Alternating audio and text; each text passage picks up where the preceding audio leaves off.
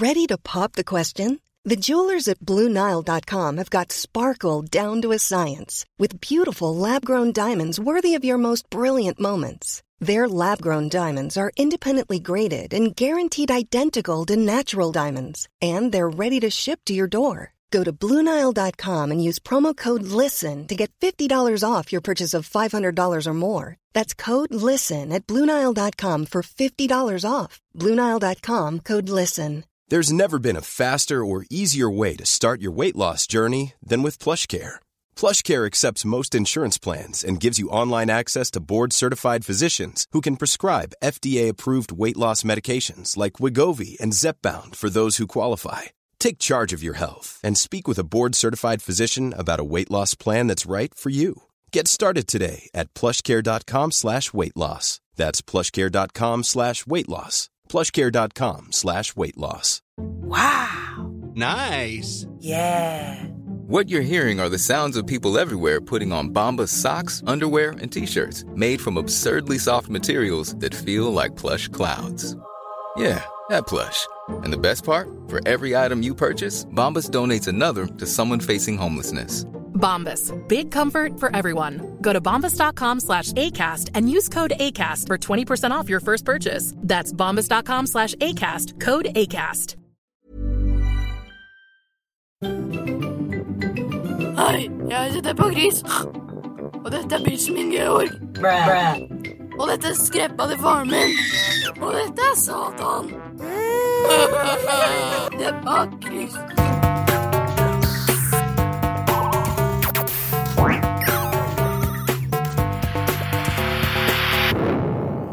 Velkommen til Sinnsyn. Jeg heter Sondre Risom Livre, er psykolog, og dette er Webpsykologens podkast. Hverdagspsykologi for fagfolk og folk flest.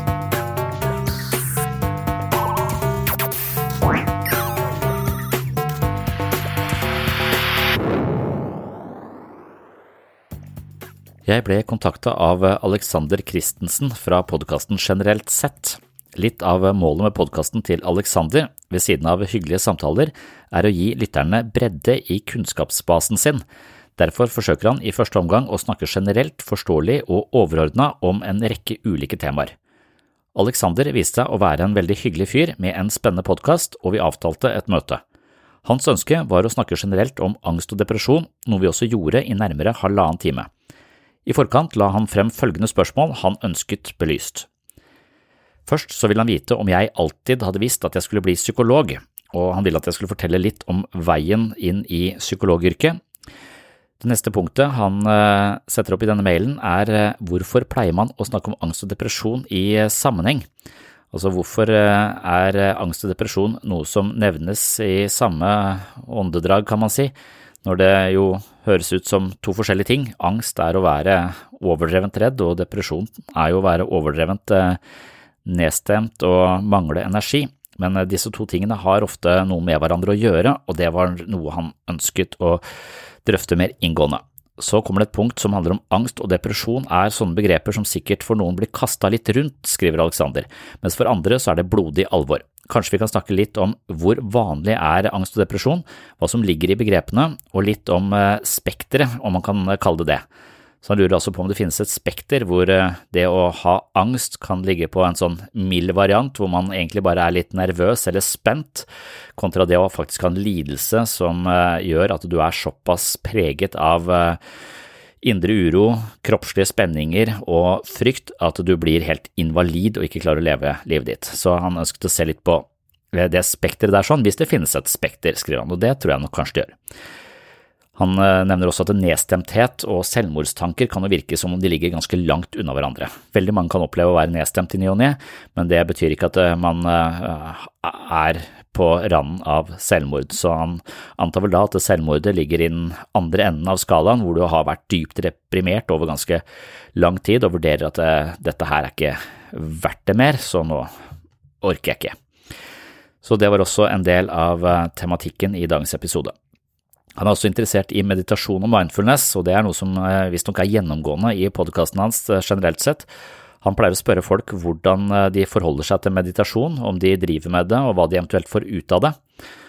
Og i mail til meg så skriver han Noen opplever vel også at eh, det å meditere kan gjøre ting verre, i hvert fall til å begynne med. Så da spør han kan vi snakke litt om det å bli bevisst følelsene på en ny måte. Så dette her ble da utgangspunktet for en prat om litt av hvert, eh, som ikke er helt uvanlig for denne podkasten her sånn, og i dagens episode skal du få være med på et møte mellom generelt sett og sinnssyn. Før jeg setter i gang samtalen med Alex, skal jeg spille av et eh, lydklipp fra Psykologforeningens eh, egne informasjonsfilmer om depresjon.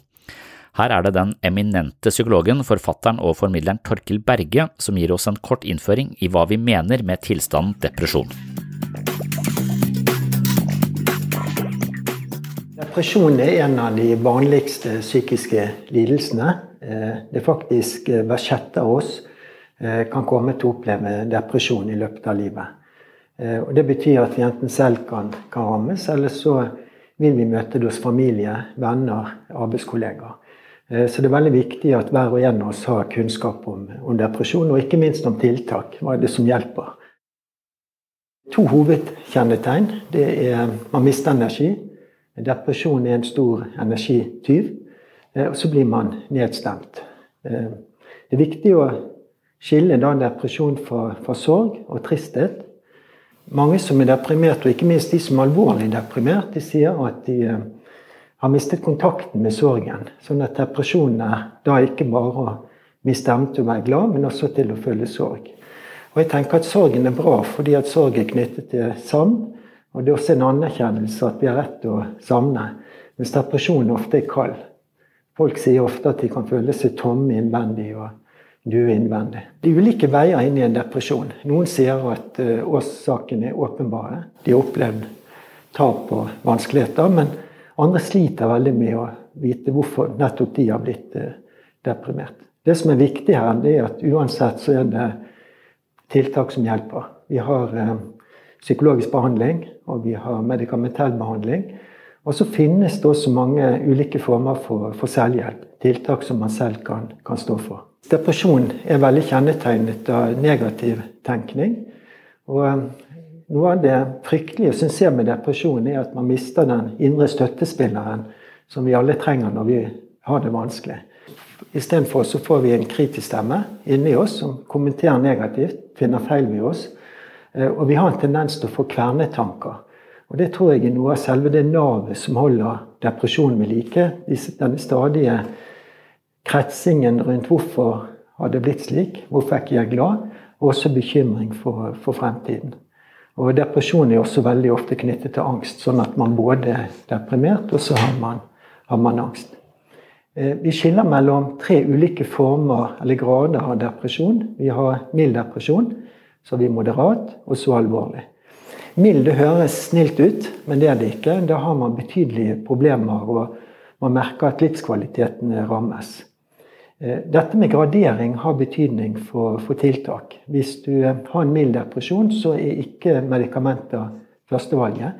Det kan være mer nytte med mer alvorlig depresjon. Men eh, tiltak som helsemyndighetene anbefaler, det er former for veiledet selvhjelp, og også samtaler med personer som du har tillit til. Det finnes eh, god hjelp å få. Eh, snakke med fastlegen din snakke med psykologen i kommunen, snakke med psykisk helsearbeidere. Eh, og det er også etablert i flere kommuner eh, egne sentre som heter Rask psykisk helsehjelp. Sånn at hvis du opplever depresjon, eller kjenner noen som er deprimert, så ikke nøl med å eh, snakke med vedkommende eller få gjort noe med det.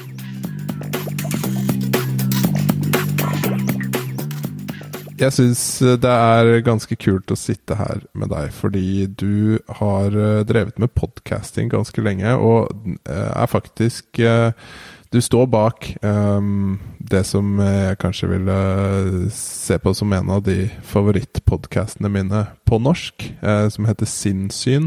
Og, og, bakgrunnen for det, så vidt jeg har skjønt, er jo nettopp uh, dette konseptet ditt rundt webpsykologene.no. Eh, jeg leste at du er eh, utdannet psykolog og spesialist i klinisk voksenpsykologi. Og så har du gitt ut bøkene 'Selvfølelsens psykologi' og 'Jeg, meg selv og selvbildet'. Og i dag eh, har jeg egentlig eh, satt litt sånn premisset for samtalen vår, eh, og snakke litt om dette med angst og depresjon. Um, og det Det kan føles litt sånn uh, arbitrært uh, å, å, å, velge deg til det, fordi jeg har hørt deg snakke om så, så mye annet. Men på den annen side så har jeg uh, hørt deg snakke nå i det siste en del om angst og ikke minst eh, Eller angst, depresjon og ikke minst selvmord, da. Sånn at det, Jeg tipper at du er riktig mann for, eh, for jobben. Um, men kan ikke vi, før vi dykker eh, liksom ordentlig inn i dypet her, bare høre din egen versjon av hvordan du ble interessert i de tingene du er interessert i? Ja. Um den siste boka eh, som jeg skrev, eh, som jeg føler er den egentlige bokas de, de, to første som du nevnte, de er, de er litt sånn mindre fornøyd med. Det er, eller de, de, har vært viktige, de også, men det handlet om å samle, samle på ideer. Så i den tredje boka så, så innleder jeg med å si at jeg alltid har samla på ideer. Jeg syns ideer som noen samler på frimerker, så tenker jeg av og til at jeg samler på ideer. Eh, og, og dermed så vil alle nye ideer eh, interessere meg til en, eh, til en viss grad. Så jeg, det tror jeg kanskje jeg har gjort eh, ganske store deler av livet. Og så har jeg vært veldig interessert i å skrive. Og jeg har nok eh, fornemt og opplevd at når jeg skriver, så, så lærer jeg meg å tenke litt klarere. Så skrivinga har vært viktig for å kunne tenke klarere. Så det har jeg fortsatt med da, eller jeg har gjort store deler av livet, da, skrevet. Så var jeg i militæret en stund. Jeg var et par år i militæret. Jeg tok en sånn befalsutdannelse uten at det egentlig passa, men det var litt for å slippe å reise veldig langt av sted. Og så havna jeg litt langt av sted likevel etter hvert. For det. hadde egentlig tenkt å bare gå inn i militæret, og så gå på befalsskole, og så komme inn og så si nei takk. For da hadde jeg hørt at da kunne jeg velge hvor jeg skulle eh, dra hen. Og så gjorde jeg det, og så kom jeg, eh, og så kom jeg inn. Og så hadde jeg tenkt, og Da var planen å si nei takk, men jeg var så stolt at jeg, at jeg kom inn. Så, så, jeg var så fornøyd med det, så da bare fortsatte jeg. Så da ble jeg værende der. Men eh, noe superhierarkisk eh, system som, eh, som, er lett å leve i og lett å være i, men det var litt lite stimulerende for eh, eh ja, tankevirksomhet, syns jeg. Men jeg fikk lest mye i militæret, da, og da ble psykologi det jeg sikta mot. Litt fordi jeg var kanskje mest interessert i filosofi, men var usikker på hvordan arbeidsmarkedet så ut da. Sånn at jeg, jeg tenkte at jeg måtte ha et eller annet humanistisk fag som uh, var anvendelig. Uh, på en måte, Da tenkte jeg at psykologi er liksom tvillingen til filosofien. Mens i dag så anser jeg kanskje filosofi som noe av det viktigste faget som fins. Altså det å lære seg å tenke tror jeg er noe av det viktigste vi gjør i dagens uh, samfunn. Lære oss å tenke kritisk, lære oss å vurdere ulike ideer opp mot hverandre osv. Ja. ja, jeg skulle til å si at uh, er det ikke litt sånn egentlig at uh, det er i Vesten vi har på en måte eh, separert filosofien og psykologien eh, i, i, så stor grad som vi har. Eh, mens eh, hvis du f.eks. drar til, eh, til, Østen, så er jo på en måte filosofien og psykologien fletta inn i hverandre i en sånn derre hvordan mestre livet Kall det oppskrift. I hvert fall den biten av det uh, som jeg har fått med meg gjennom sånn, litt interesse for rundt mindfulness og, og buddhisme, da, så, så, er det liksom Det er litt sånn bildet jeg sitter med. Har du noe, har du noe fornemmelse av at jeg er inne på noe der, eller? Ja, det tror jeg absolutt. Jeg tenker at psykologi det har vært litt opptatt av å, selvstendiggjøre seg, da, og så bli en egen, eh, en egen, gren. Sånn at den har eh, villet distansere seg fra f.eks. Eh, religion, kanskje. De mer, så, så den, den, men den innser også at en del religiøs praksis er ikke religiøs praksis sånn helt uten videre. Det, er, det har en eller annen effekt på, på mennesket, og gjerne menneskets ånd, da, eller menneskets sinn. Så det å meditere har nok veldig mange helsemessige eh, gevinster som er verdifulle.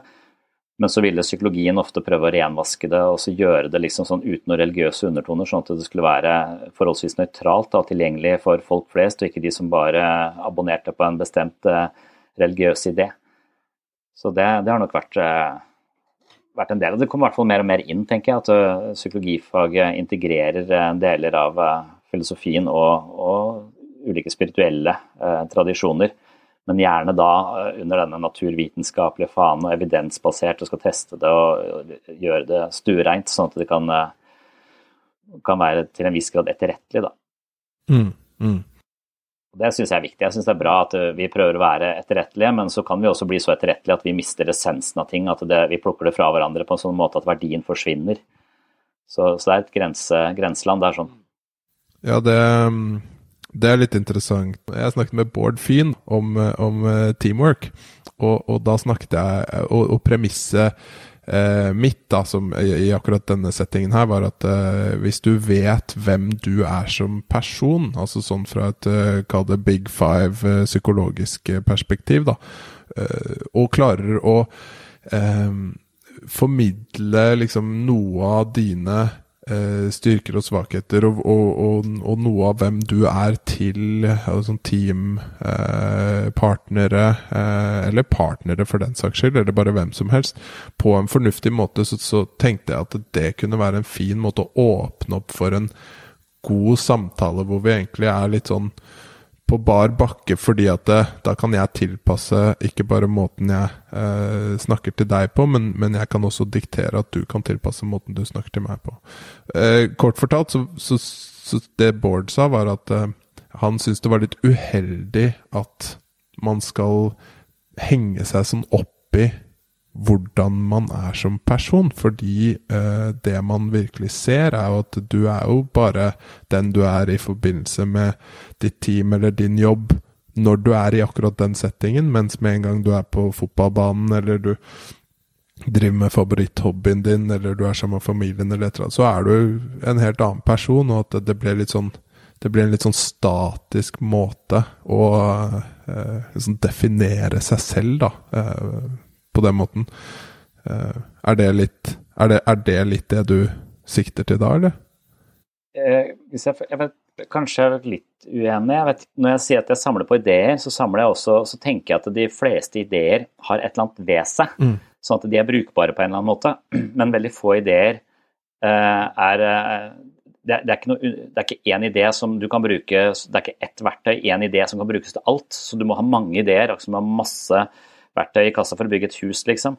Så, så på den måten så tenker jeg at eh, min kjennskap til min egen personlighet eh, ligger som et bakteppe.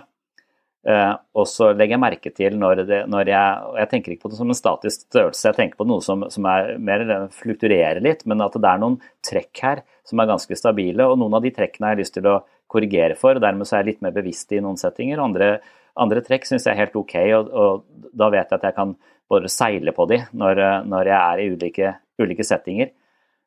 Men jeg ville si at eh, det å møte andre mennesker i en teambuilding eller, eller, eller, i et team At jeg er opptatt av å presentere meg med konteksten min der og da.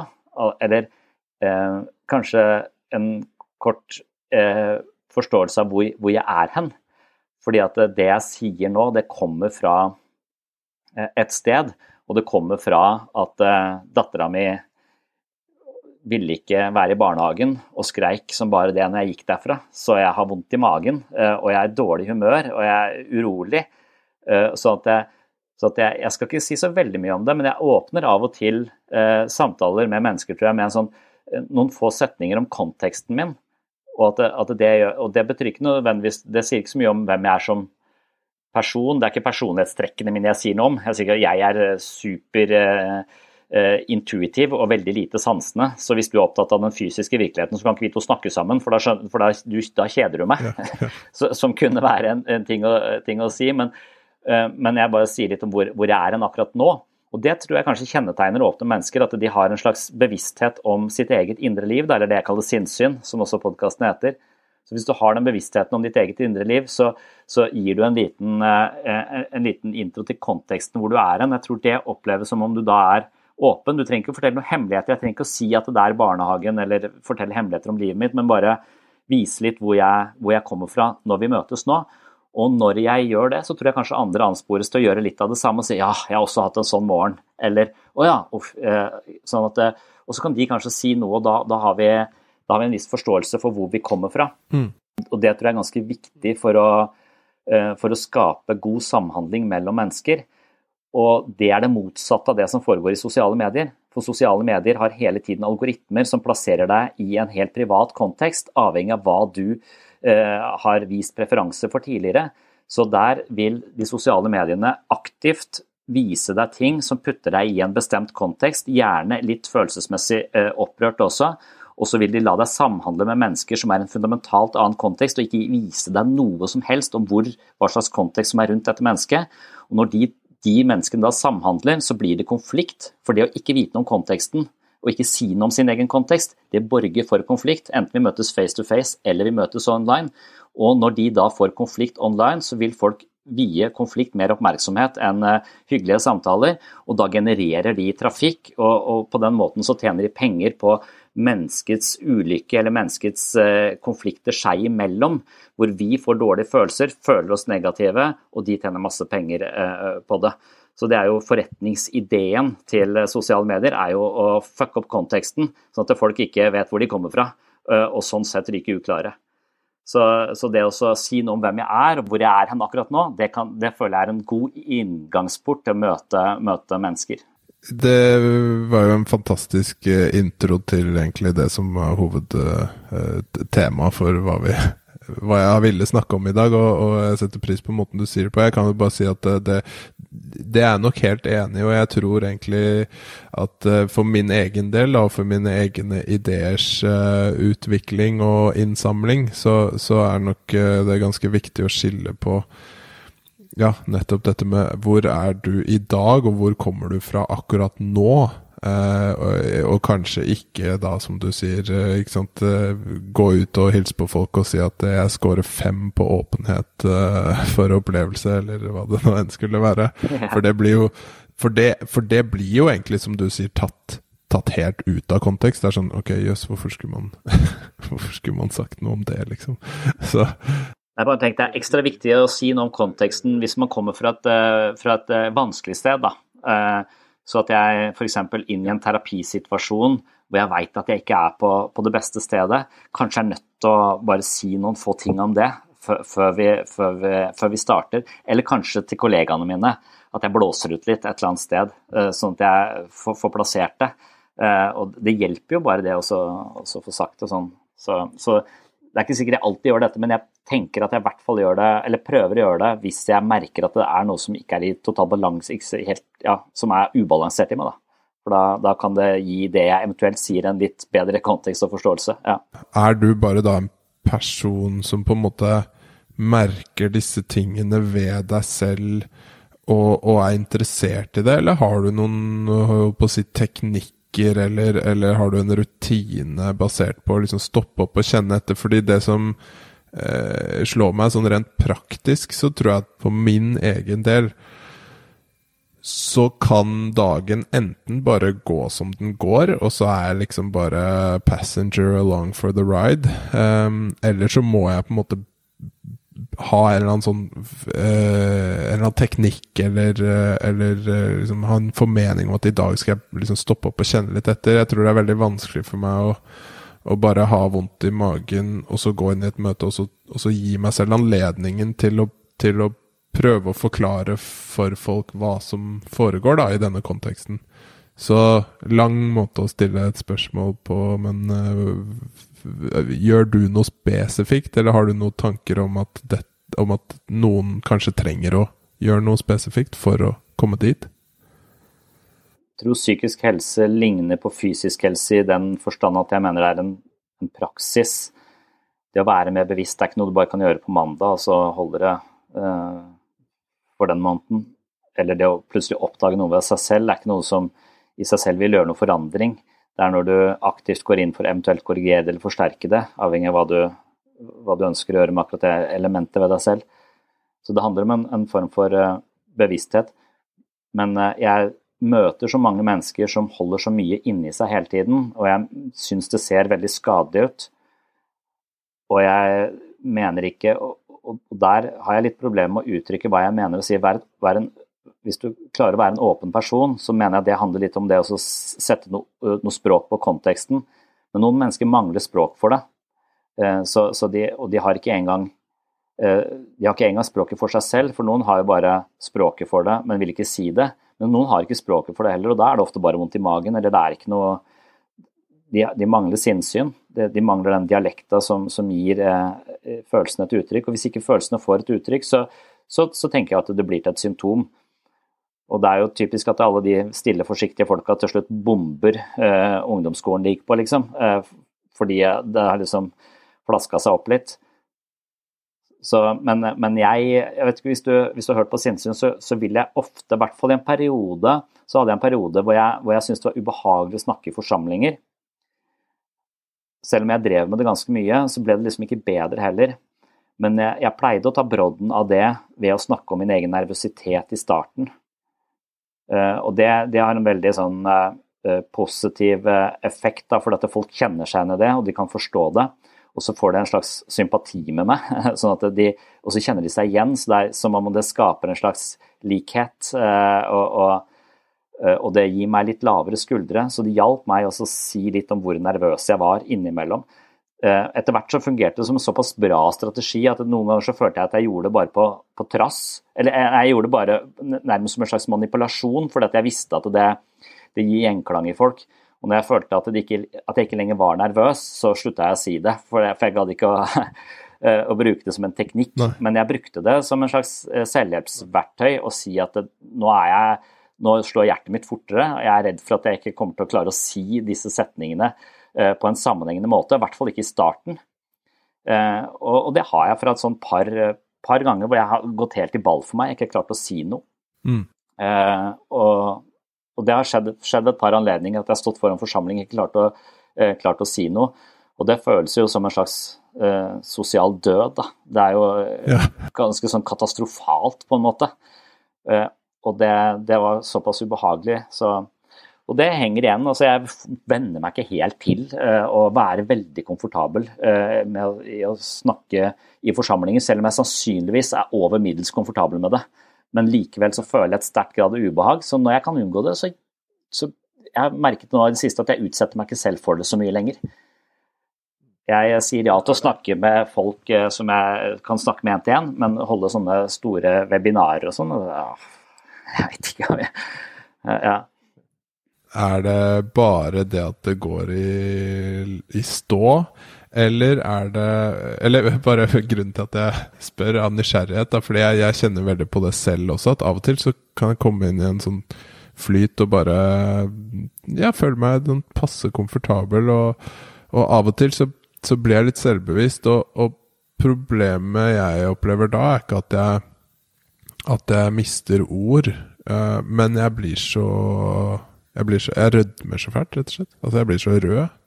Og da, og da ser da, da, vet jeg at nå, nå ser alle dette.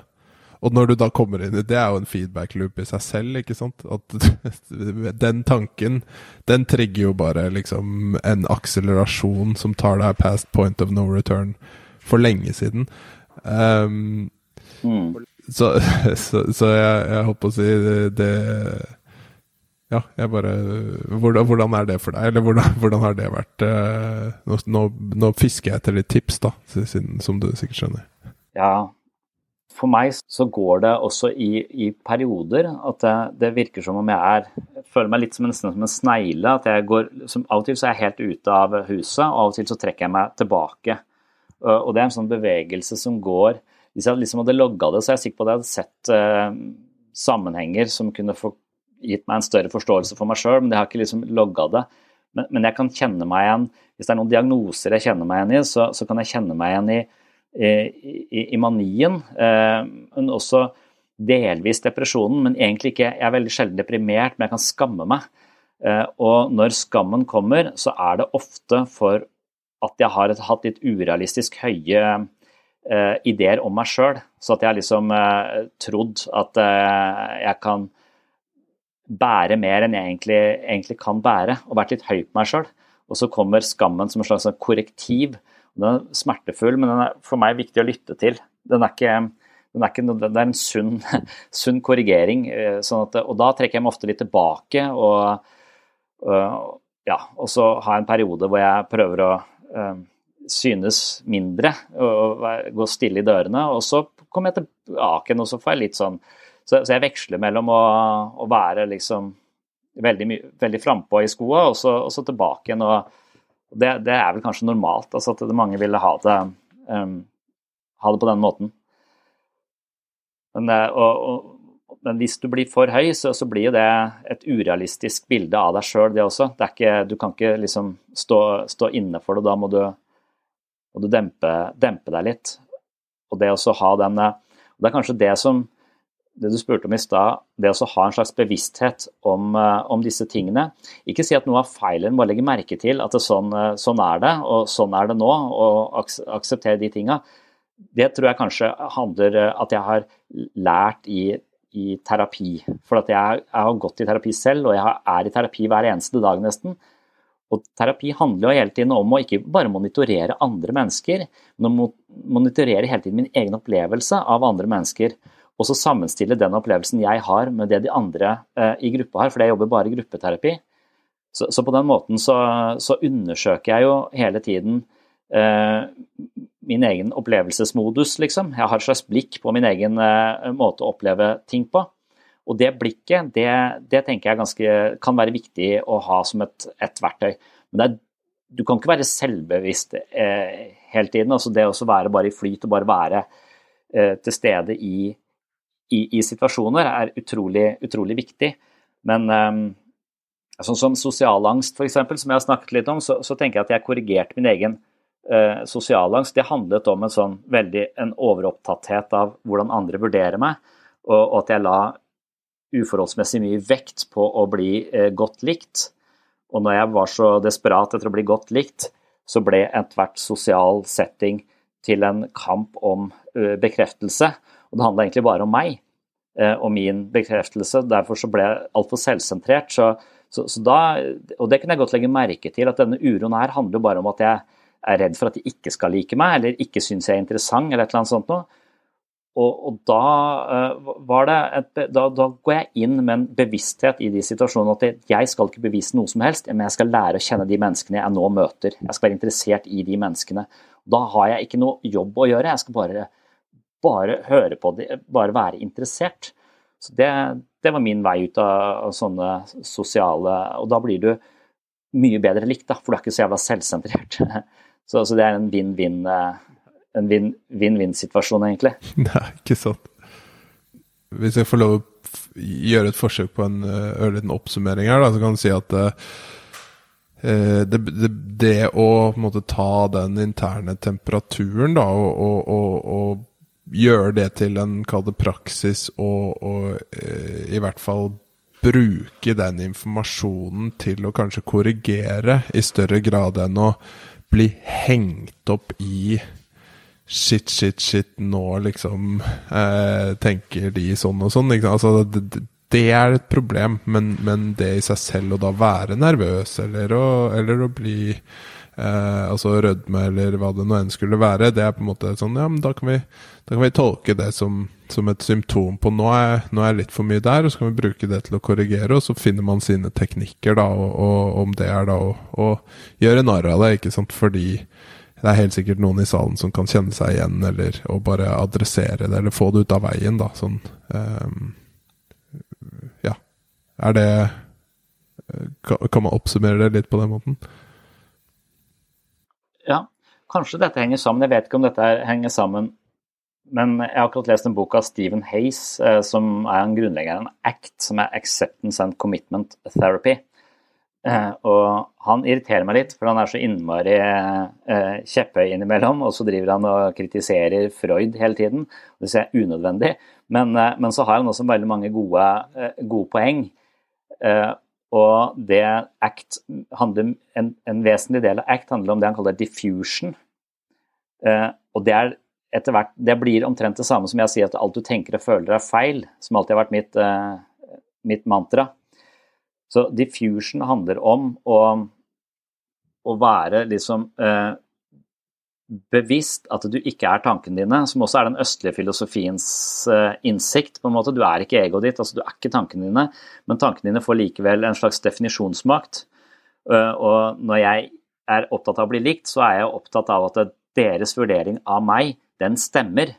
Uh, så, dermed, Jeg legger mye vekt i. Den, den får en sannhetsgehalt som, som, er uforholdsmessig stor, fordi de er sikkert ikke så opptatt av det i det hele tatt, men, men, jeg legger for mye vekt i ting, og jeg lar ting få lov til å definere, definere meg selv. Og, og diffusion eh, handler jo rett og slett om å, å koble seg av denne eh, Altså ikke, ikke, ta ting for god fisk. Eh, være sånn ikke, ikke, si at det er feil, eh, men heller ikke si at det er riktig, men ta det som et innspill.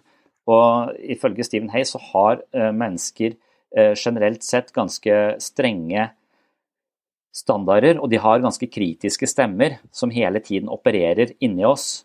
Eh, og hans poeng er at hvis de, Han kaller det en indre diktator, da, så alle har en indre diktator. Og de fleste av oss tror at diktatoren, altså de fleste av oss bor i en sånn type Nord-Korea, hvor vi tror at han er en lille, tjukke fyren med bolleklipp eh, snakker sant når han sier at ja, vi landa på sola som de første landet i, i, i verden, liksom. Men, men, eh, men, poenget er at diktatoren lurer deg eh, hele tiden, så du må ikke tro på den eh, diktatoren. Du bor ikke i et opplyst enevelde, du bor i et ganske lukka diktatur. Så, så, du har en stemme som hele tiden eh, har en tendens til å kritisere deg eller bekymre seg eller si at det får du sikkert ikke til eller det går ikke. Eh, og det å ikke gi den stemmen uforholdsmessig mye makt, og det, det er så viktig for, eh, Eh, for denne ACT-terapien. Og jeg tror det er ganske avgjørende. For, for, eh, og, de har sånne konkrete ting de gjør. F.eks. så sier de ikke, ikke reis deg fra stolen, ikke reis deg fra stolen, ikke reis deg fra stolen mens du reiser deg fra stolen. For å, for å vise at eh, selv om diktatoren sier du ikke skal gjøre det, så har du faktisk frihet til å gjøre det. Den, det skal, den kan ikke diktere livet ditt i en absolutt forstand. Og det er masse sånne andre du skal, så, Han sier selv at han, han, har vokst opp med masse skam og er veldig usikker på seg selv og hadde mange vanskelige perioder. Og hans måte å komme ut av det på var å fremmedgjøre de stemmene. De stemmene er som regel et ekko fra hva folk har fortalt deg. Det er operativsystemet ditt. Du internalisert kritikk som har kommet utenfra. Og du kan godt ha gode eh, oppvekstvilkår og snille foreldre, men du har likevel et sosialt medie hvor du hele tiden sammenligner deg med hele verden. Ikke bare naboene og de på jobben, men hele verden eh, som et sammenligningsgrunnlag. Så du vil alltid finne en måte å sammenligne deg på hvor du, hvor du kommer til kort i forhold til den eh, standarden du ser, du ser, rundt deg. Så du har disse stemmene, disse vurderingene som du gjør av deg selv eh, hele tiden. Og det å få sånne installert sånne kritiske stemmer, det, det, dreper jo vitalitet eh, og, og, og livskraft. Og, det, og, noen kritiske stemmer er jo der som du må korrigere, så du skal ikke avskrive de, men du skal heller ikke gi de for mye bestemmelsesrett. Så han, Stephen Hayes han har gitt sitt eget indre liv eh, Eller han kaller disse denne, Han kaller hjernen sin for George. Eller han kaller den kritiske stemme for George. Så, så, hver gang han føler en sånn form for selv... Å, nå dumma jeg meg ut. Sånn, så snakker han til George som om dette er en annen person som vurderer det, som egentlig ikke har helt peiling på hva han snakker om. Eh, men han kan godt høre på George innimellom, selv om han dypest sett anser George eh, som, en, eh, som, en, litt sånn trangsynt fyr Eh, en slags konspirasjonsteoretiker som av og til er inne på noe. Konspirasjonsteoretikere er av og til inne på noe, eh, men som regel F.eks. de som tror at barnevernet er fra helvete. Altså, barnevernet har gjort noen dårlige avgjørelser, men de gjør så godt de kan hele tiden. Så det er et snev av sannhet. Det fins noen uh, råtne epler der, men stort sett så gjør de uh, det de kan for at det er barns, barns beste. Så, så, det å forholde seg til sin egen indre Eh, stemme som eh, du forholder deg til en eh, QAnon-fyr, er vel hans tips, da.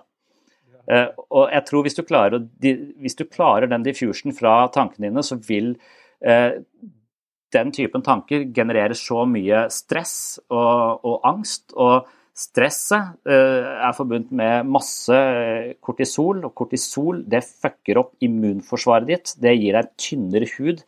Det ødelegger altså beina, beina, i kroppen, skjelettet, blir skrøpeligere, og du dør tidligere. Eh, så, så, det å gå rundt med for mye stress og angst pga.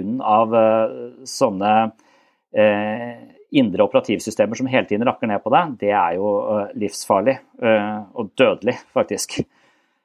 Så, og han sier at det der er ikke noe du bare kan forstå, det er en praksis. Du er nødt til å praktisere det. Akkurat som mindfulness eller trening.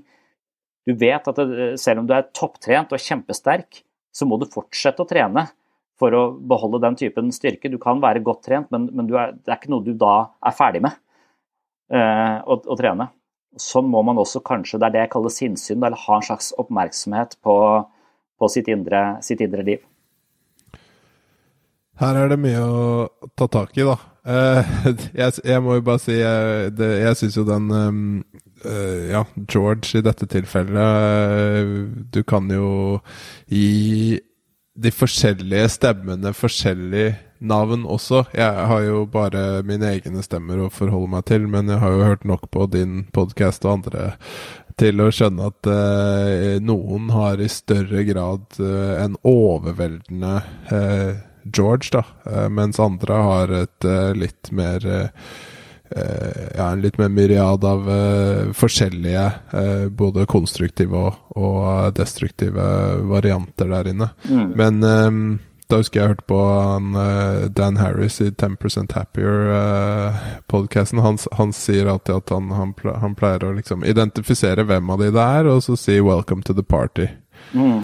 At du liksom uh, bare slå deg ned sammen med de andre.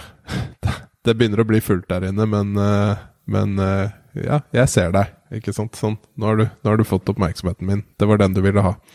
Så mm, det hørtes ut som et veldig eh, ja, konstruktivt uh, innspill, da, for å si det sånn.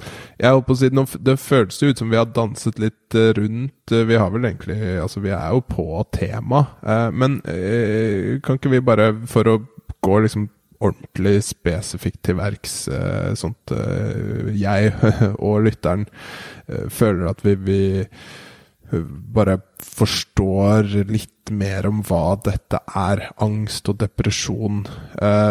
du, du, du toucha jo på slutten her inn på liksom disse fysiske symptomene som, som gir ut, altså som angst og depresjon kan gi utslag i kroppen vår. Um, men, men, kan vi si noe om hvor det kommer fra uh, in the first place, og også litt rundt hvorvidt det er, blir riktig å, å, å, hele tiden gruppere eh, angst og depresjon sammen, eh, eller ikke? Ja, det er så mange forklaringer på det. Kanskje ta angst, angst først. Men som du sier, så vil de ofte høre, høre sammen.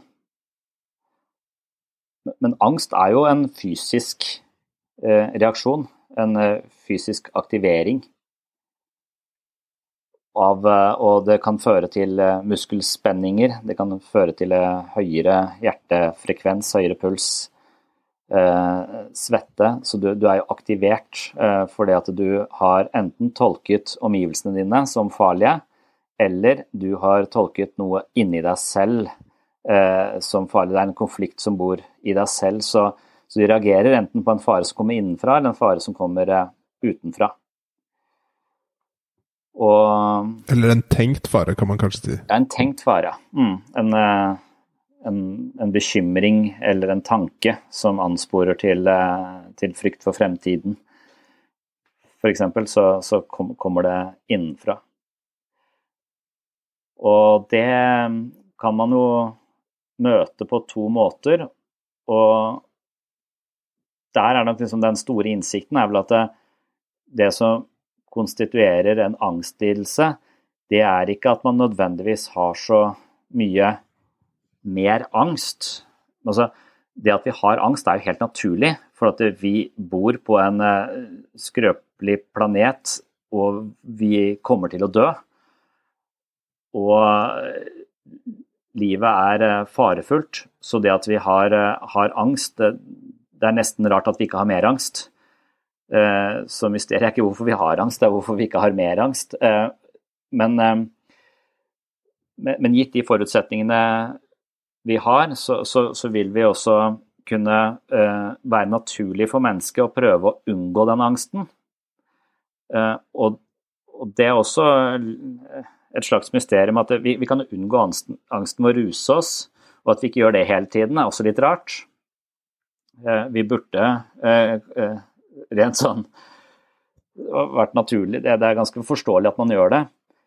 Men, men det som er på problemet, er vel at det, i, og i all sånn forståelse av angst og behandling av angst, så er det jo at vi bruker en annen del av nervesystemet vårt hvis vi eh, møter angsten, tar den liksom head on, eller tar tyren ved hornene, som det heter da, da, vil vi aktivere en annen del av hjernen som fremdeles, hvor du fremdeles har et høyt grad av stressnivå og et høyt grad av, eh, av kortisol eh, i, eh, i, blodet, som er disse stresshormonene.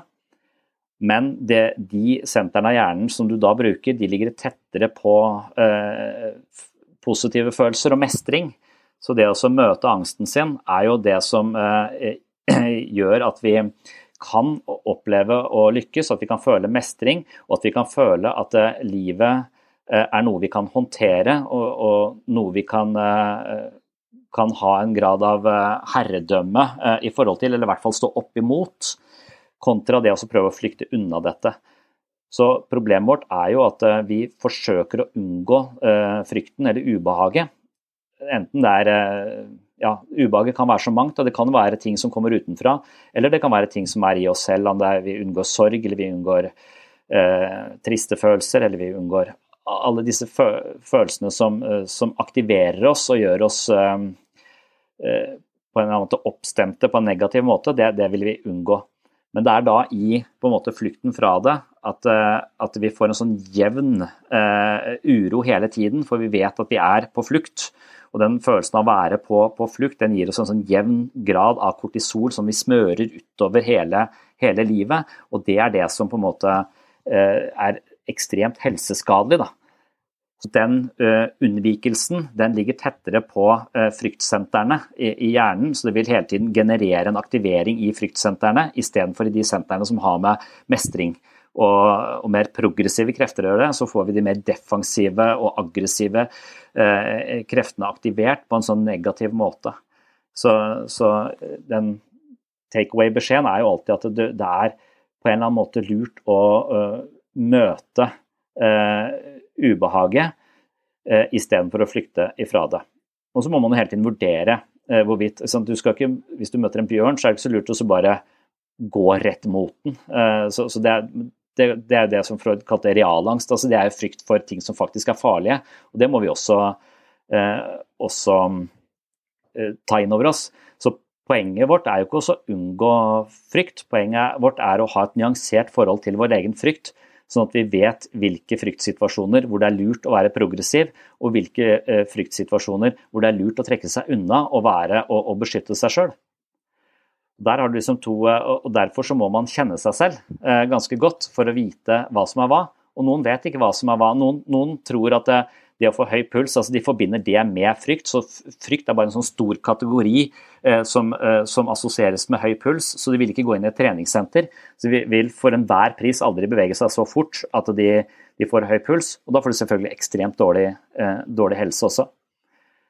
Det får meg til å tenke på den herre Altså tilbake igjen, kanskje til, til, start, da, men dette med liksom konteksten. For en uh, sånn uh, eksempel som uh, jeg liker å referere til, jeg tror jeg har nevnt det tidligere på podkasten her, som jeg har fra Sam Harris, dette med å liksom det, det, det, nøyaktig samme fysiologiske fenomenene og reaksjonene du har i kroppen din under liksom ditt første maraton eh, ville du jo på en måte tolket som helt fullstendig naturlig og, og, ønsket gledelig velkommen fordi det er dette du har trent for, liksom. Mens hvis du våkner opp midt på natta med den identiske reaksjonen og fysiologiske fenomenet i kroppen din, så blir du livredd.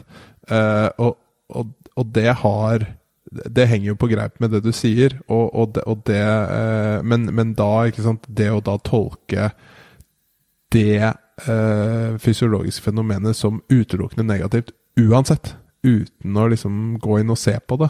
Hva er, hva er underliggende? Hva er mest sannsynlig grunnen til at jeg føler det som jeg gjør nå? Det er jo det som er problemet, ikke det fysiologiske fenomenet i seg selv. Eh, sånn kan man vel kanskje si det. Ja, jeg tror fin måte å, å se det på. Og så tror jeg at det er nettopp det som er selvinnsikt, eller selvransakelse, eller psykoterapi. Det handler om å lodde dybden i disse reaksjonene, sånn at du ikke blir tatt helt på senga. da.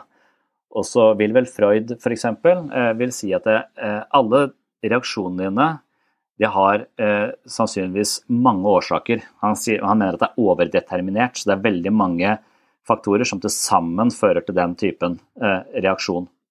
Men alle disse reaksjonene vil også ligge på en skala, et slags kontinuum fra eh, på den ene siden eh, ganske biologisk forankra, mens på den andre siden veldig psykologisk forankra. Eh, og så kan det være en mash av begge de to tingene.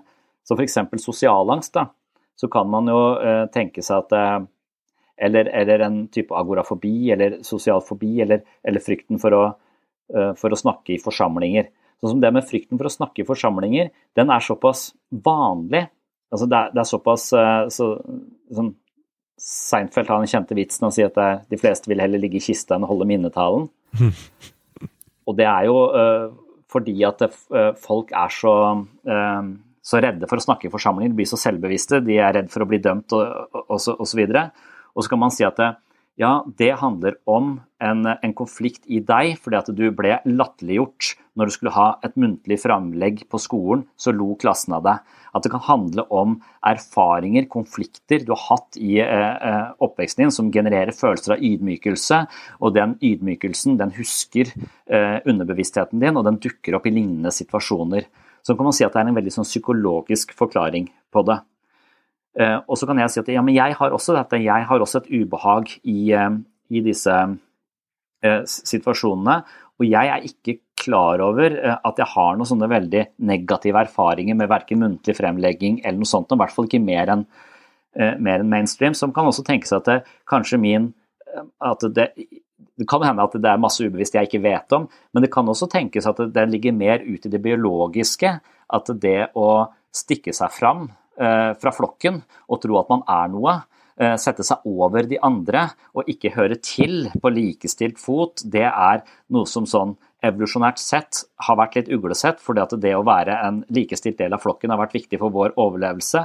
sånn at den skammen som dukker opp når du stikker deg frem og tror at du vet noe eller skal si noe til noen andre, så, så, så ligger det som rudimenter fra en sånn slags evolusjonær Eh, ballast jeg har med meg, eh, så at den aktiveres. Eh, så det har, det har en mer sånn så dette er ikke nødvendigvis en konflikt sånn i psykologisk forstand eller freudiansk forstand. Det er mer en slags evolusjonær eh, genetisk disponering jeg har for å eh, En mer eller mindre innkoda reaksjon på å tro at jeg er noe eller stikke meg fram. Da.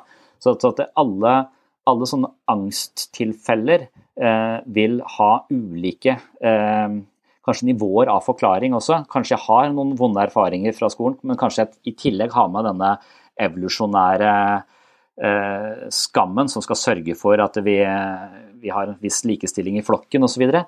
Og så kan man tenke sånn om veldig mange forskjellige typer, eh, typer angst. at man, Hvis man virkelig skal forstå sin egen malplasserte frykt, da, eh, som er angsten, i ulike situasjoner, så bør man eh, tenke at eh, her er det sannsynligvis 100 årsaker til at jeg har angst. Jeg bør finne i hvert fall ti av de for å forstå min egen reaksjon litt bedre. Mm. Og Da kan man begynne med sånne ting som jeg tror jeg har snakket om tidligere, f.eks. det med heis, altså heisfobi. Eh, det er også, sånn, det er også et fenomen som mange mennesker har. De er redd for å ta heis. Og Da kan man tenke ok, det er en psykologisk forklaring. Du satt fast i heis som liten og kom deg ikke ut, følte deg hjelpeløs, maktesløs, trodde du skulle dø, og så er det blitt et traume som har satt seg fast. Ja, ja, ja. Men så er det heiser står jo veldig sjelden fast. Så det er ikke nok eh, eh, heiser som har kjørt seg fast til at mennesker skal kunne ha den forklaringen på sin egen heisfobi. Så, så, så da kan man tenke at det handler mer om en slags eh, underliggende frykt for døden, ville eksistensielle psykoterapeuter sagt. For at disse små rommene minner deg om en kiste, og en kiste assosierer du til å dø. Og det mest ynda scenarioet i en skrekkfilm er å bli begravd levende. Og det er nesten? Så, så, så det er det med trange rom og, og, og mangel på bevegelsesfrihet eh, som, eh, som, aktiveres i de, i, i de situasjonene. Så, så, det er liksom mange lag i mange ulike typer eh, frykt. Og det beste du kan gjøre med frykten, som er nesten umulig å gjøre med frykten, er å være nysgjerrig på den. Men problemet med frykt og hjernen vår er at med en gang du har aktivert fryktsentrene dine, så skrur du av den delen av hjernen som borger for nysgjerrighet. Eh, så psykisk helse er jo å ha skrudd på den, altså søke- og lystsystemet, som er denne interesserte systemet som er nysgjerrig og vitalt og, kreativt og skapende uh, utadvendt. Det vil uh, være mental energi vi ikke har råd til når vi føler at vi er i en livsfarlig situasjon. Vi skal ikke være kreative og nysgjerrige når vi er i en livsfarlig situasjon, vi skal overleve. Så da handler vi på automatikk, vi går, eh, vi går i forsvarsposisjon.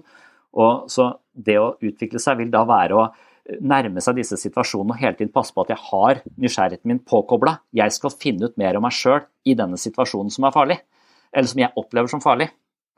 Eh, og, og, det er jo eh, ganske Og da igjen så må vi jo jobbe mot vår egen eh, biologi, nærmest. Fordi at biologien vår er skrudd sammen sånn at vi ikke skal bruke Hvis vi er jaga av en tiger, så, så, er ikke det å være nysgjerrig på kattedyr på sin plass. Da må du bare komme deg i sikkerhet. Så for å være nysgjerrig på et senere tidspunkt. Og det er lurt. Det er realangst. Du, du skal komme deg vekk fra den tigeren. Men når det er sosial angst, så er det ikke like greit å bare komme seg vekk og unna situasjonen. Du kan komme deg unna den sosiale situasjonen, men du blir totalt ensom. Da kommer vi kanskje inn på dette som du touchet på i stad, med følelsesmessig ordforråd.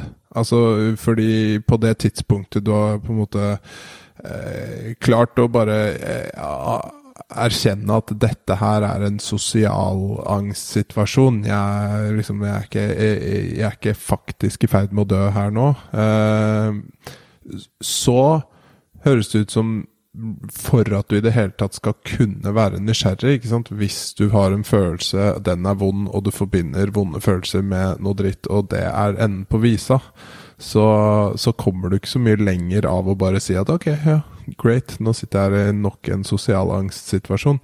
Men det å da ha et ordforråd, eller, eller liksom det å kunne ja, være nysgjerrig eh, Jeg har snakket tidligere med bl.a. Eh, Christian Anvik om nettopp følelser, og det å liksom, Det er litt sånn rart, fordi vi sier ofte, i, i, i, hvert fall i vår kultur, så sier vi at vi, altså det å snakke om følelser, så, men så snakker man egentlig om tanker. men hvis du skal snakke om følelser, da, ja, da, er det, da, er det, da, er det, de vibrasjonene jeg kjenner rett overfor navlen, ikke sant? Eller, eller, eller det, klemmingen i brystet, eller at det, det, strammer seg litt i halsen og nakken osv. Um, jeg vet ikke, hva, hva, hva tenker du om, om den biten der? Altså, er det, er det da du skal dra frem eh, noen noe skills på det området, holdt på å si? Jeg håper i hvert fall at det henger sammen på den måten. At hvis du, hvis du får et, et, et, større vokabular, et større språk på hva som foregår inni deg, så har du muligheten til å oversette eh, magesmertene til, eh, til, en annen type innsikt, som er mer psykologisk og mindre kroppslig.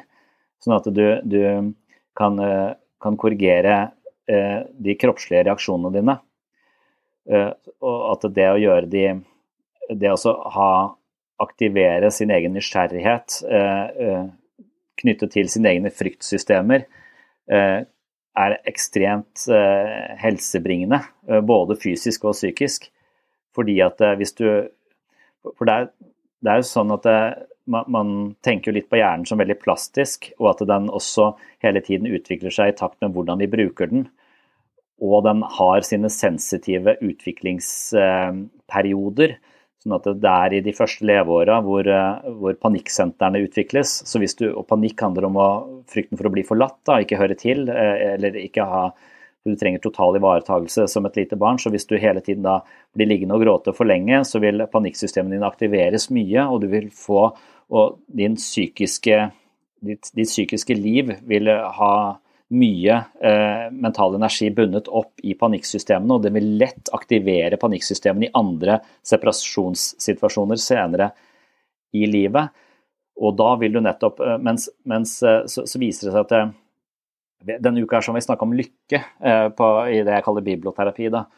Og da, da, sjekket jeg litt mer på forskningen rundt lykke. og, og det, det også um, de sier, Lykke er ikke bare noe som gjør deg glad, det er også noe som, uh, som uh, avstedkommer en form for nevrokjemi som, uh, som demper nivået av kortisol, som også gir deg et sterkere immunforsvar.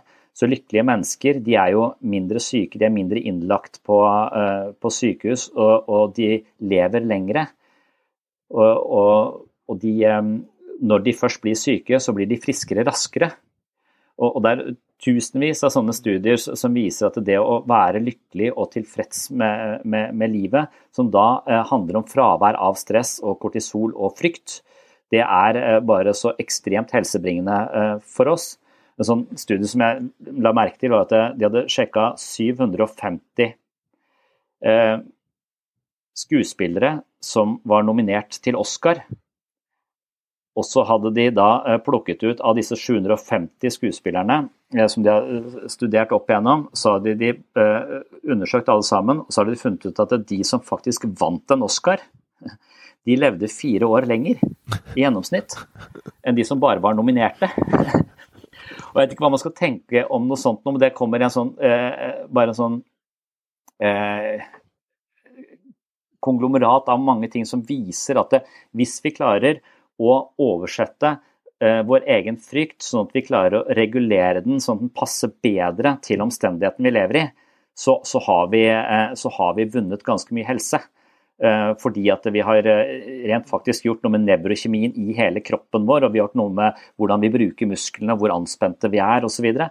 så Så det er eh, kjempe, kjempeviktig å, å, å, kjenne til det. Og, da, og, det eneste man kan, er å være nysgjerrig på, på nettopp denne, disse fryktresponsene våre når de oppstår.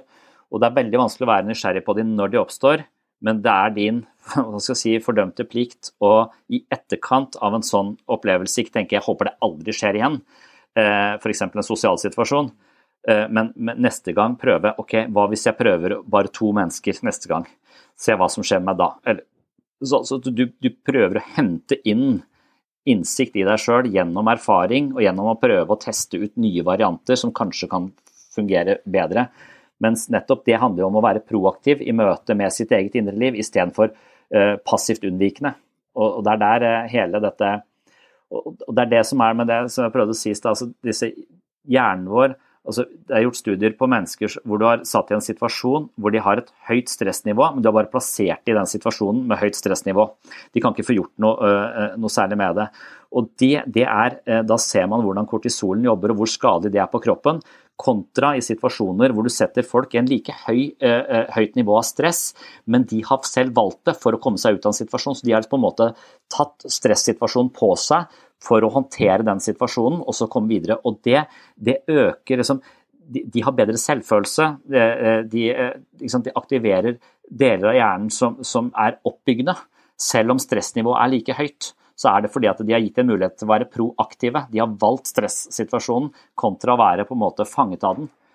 Og det er nok det jeg opplever at veldig mange mennesker eh, flykter unna eh, ubehag, enten det er en samtale med kjæresten som vi burde ha hatt, men vi kan bare unngå det og ta den i neste uke. og Så, bygger det seg opp, så unnviker du mange sånne små ting, og til slutt så kommer, liksom, kommer du i bakleksa. Livet kommer og innhenter deg og presser deg opp i et hjørne. og Da har du ikke, har du ikke noen følelse av du har en følelse av å være innhenta og fanget, og ikke en følelse av at du har eh, på en måte aktivt gått inn for å håndtere en situasjon. Og selv om du da aktivt går inn og håndterer situasjonen, men mislykkes, så har du fortsatt Eh, eh, generert den delen av hjernen som handler om mestring osv. Så, videre. så selv om du ikke lykkes med ditt forsøk på å mestre og eh, møte, møte, det vanskelige, så er det likevel en strategi som gir deg ekstremt mye mer helse enn å prøve å unnvike problematikken. Da.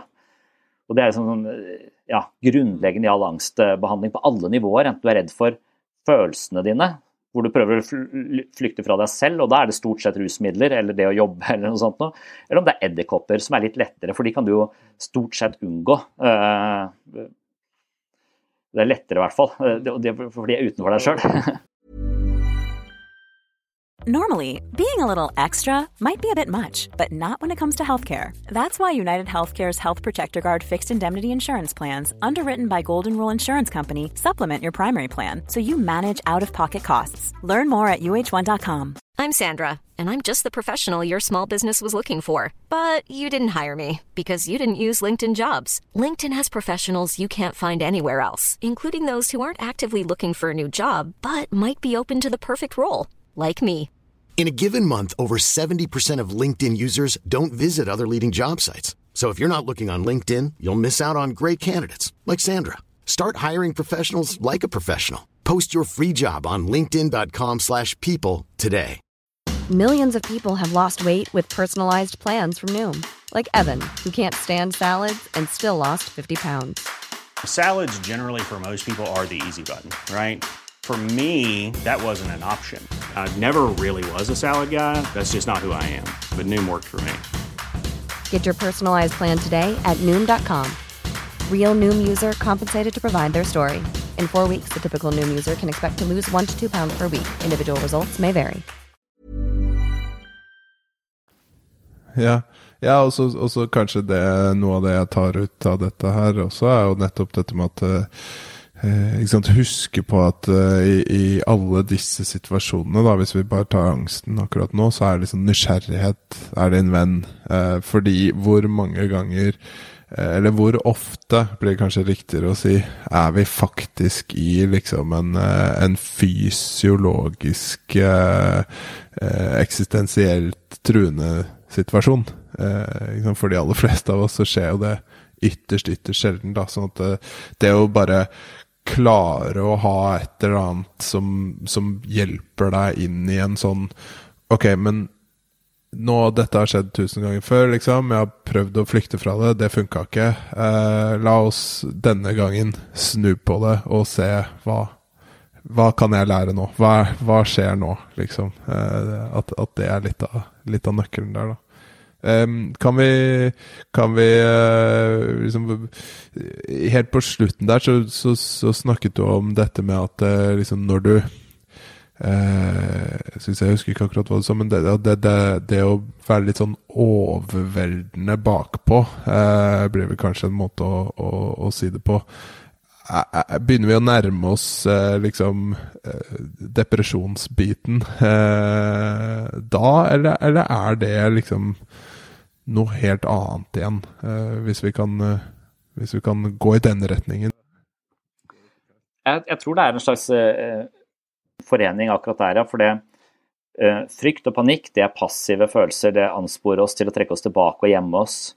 Mens aggresjon og interesse og iver det er de proaktive følelsene. Det aggressive er også i den mer eller mindre proaktive delen av vårt emosjonelle grunnleggende styringssystem, på sett og vis. Så så det vil være eh, antidepressivt å reagere med, eh, med aggresjon. Eh, det er ofte undertrykkelse av aggresjonen, og alltid reagere med frykt og, og, og unnvikelse som, som, borger for det mer, eh, det mer depressive. Og, og sånn freudiansk forklaring på det er jo at den frykten for vår egen aggresjon og den eh, sosiale skammen forbundet med å være sint. Også det å ikke finne noen sånn god kanal for å uttrykke det aggressive. Så istedenfor å uttrykke det, så undertrykker man det.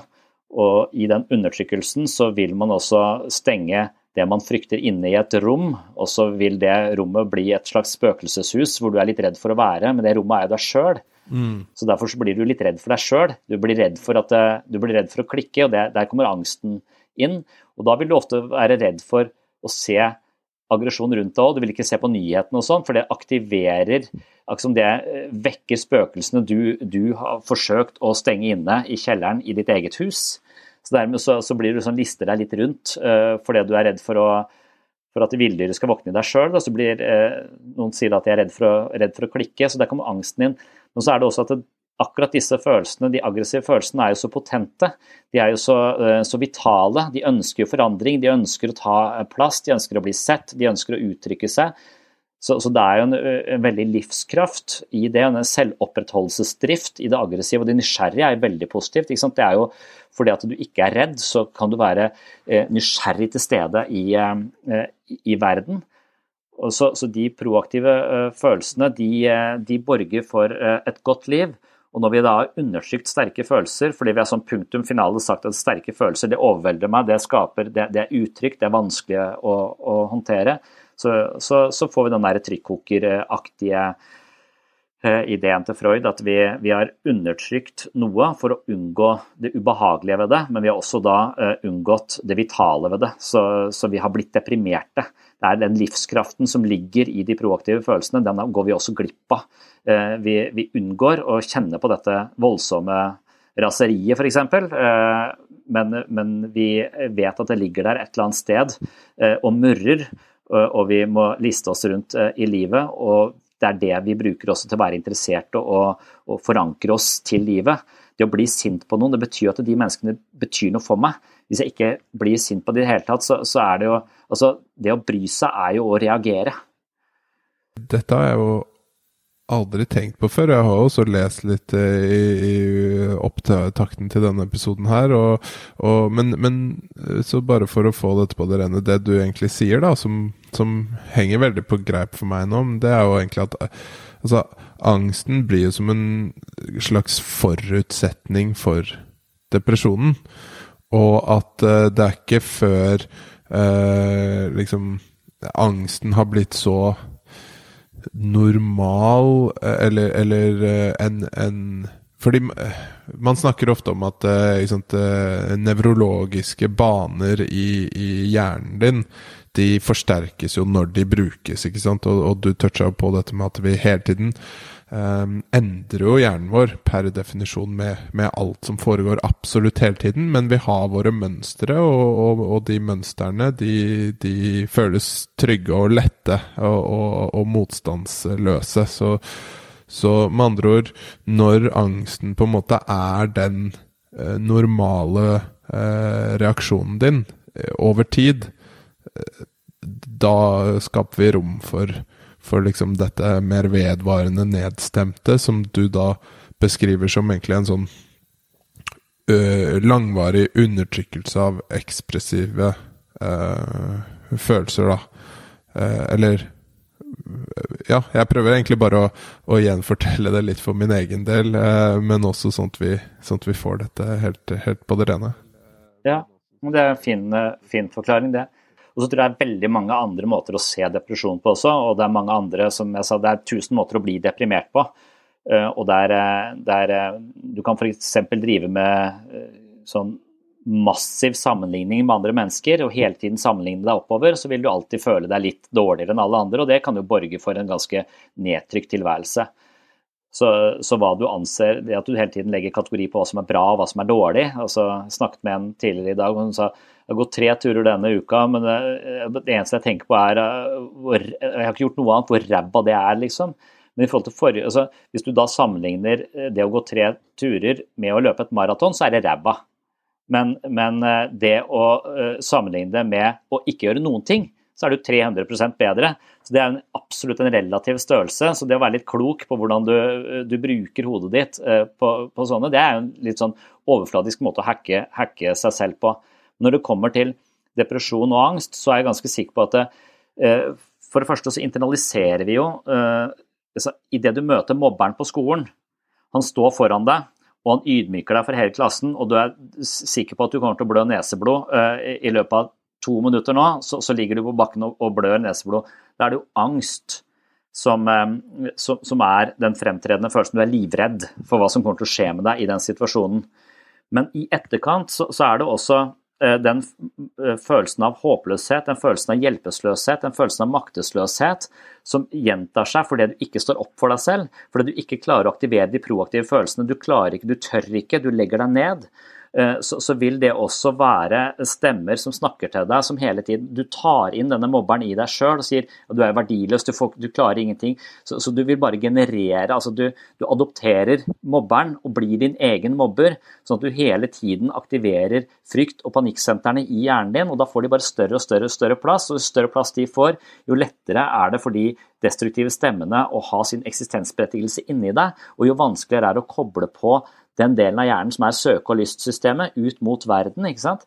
Eh, og den delen den krever at du er trygg. Mm. Det er derfor det å sørge for at barn er trygge, så blir de nysgjerrige, kreative og skapende. Eh, men idet de er utrygge, så, eh, så, så, vil de hele tiden være på jakt etter sikkerhet, og ikke kreativt utfoldende. Man kan også si at ved å sette dem foran en iPad, så vil du også understimulere eller du overstimulere dem. De, de, vil ikke måtte skape noe, de vil bare være passive mottakere. Så igjen, så du, du, du fyller dem ikke med frykt, men du fyller dem med passivitet. Eh, så, som er å ikke trene hjernen. Det er som å sette seg på sofaen med chips, liksom. Ikke gjøre noe i forhold til fysisk eh, aktivitet. Så, eh, så en iPad er liksom chips og cola. Eh, som, eh, og, hvis du spiser chips og cola hver dag, så blir du overvektig. Og hvis du bruker iPad hver dag, så blir du psykisk overvektig. Eh, og det ligner, ligner litt. Der, så, så, da kan man også se på rusmisbrukeren, er det jo logikk i. For rus kan dempe frykt og panikkfølelsene dine.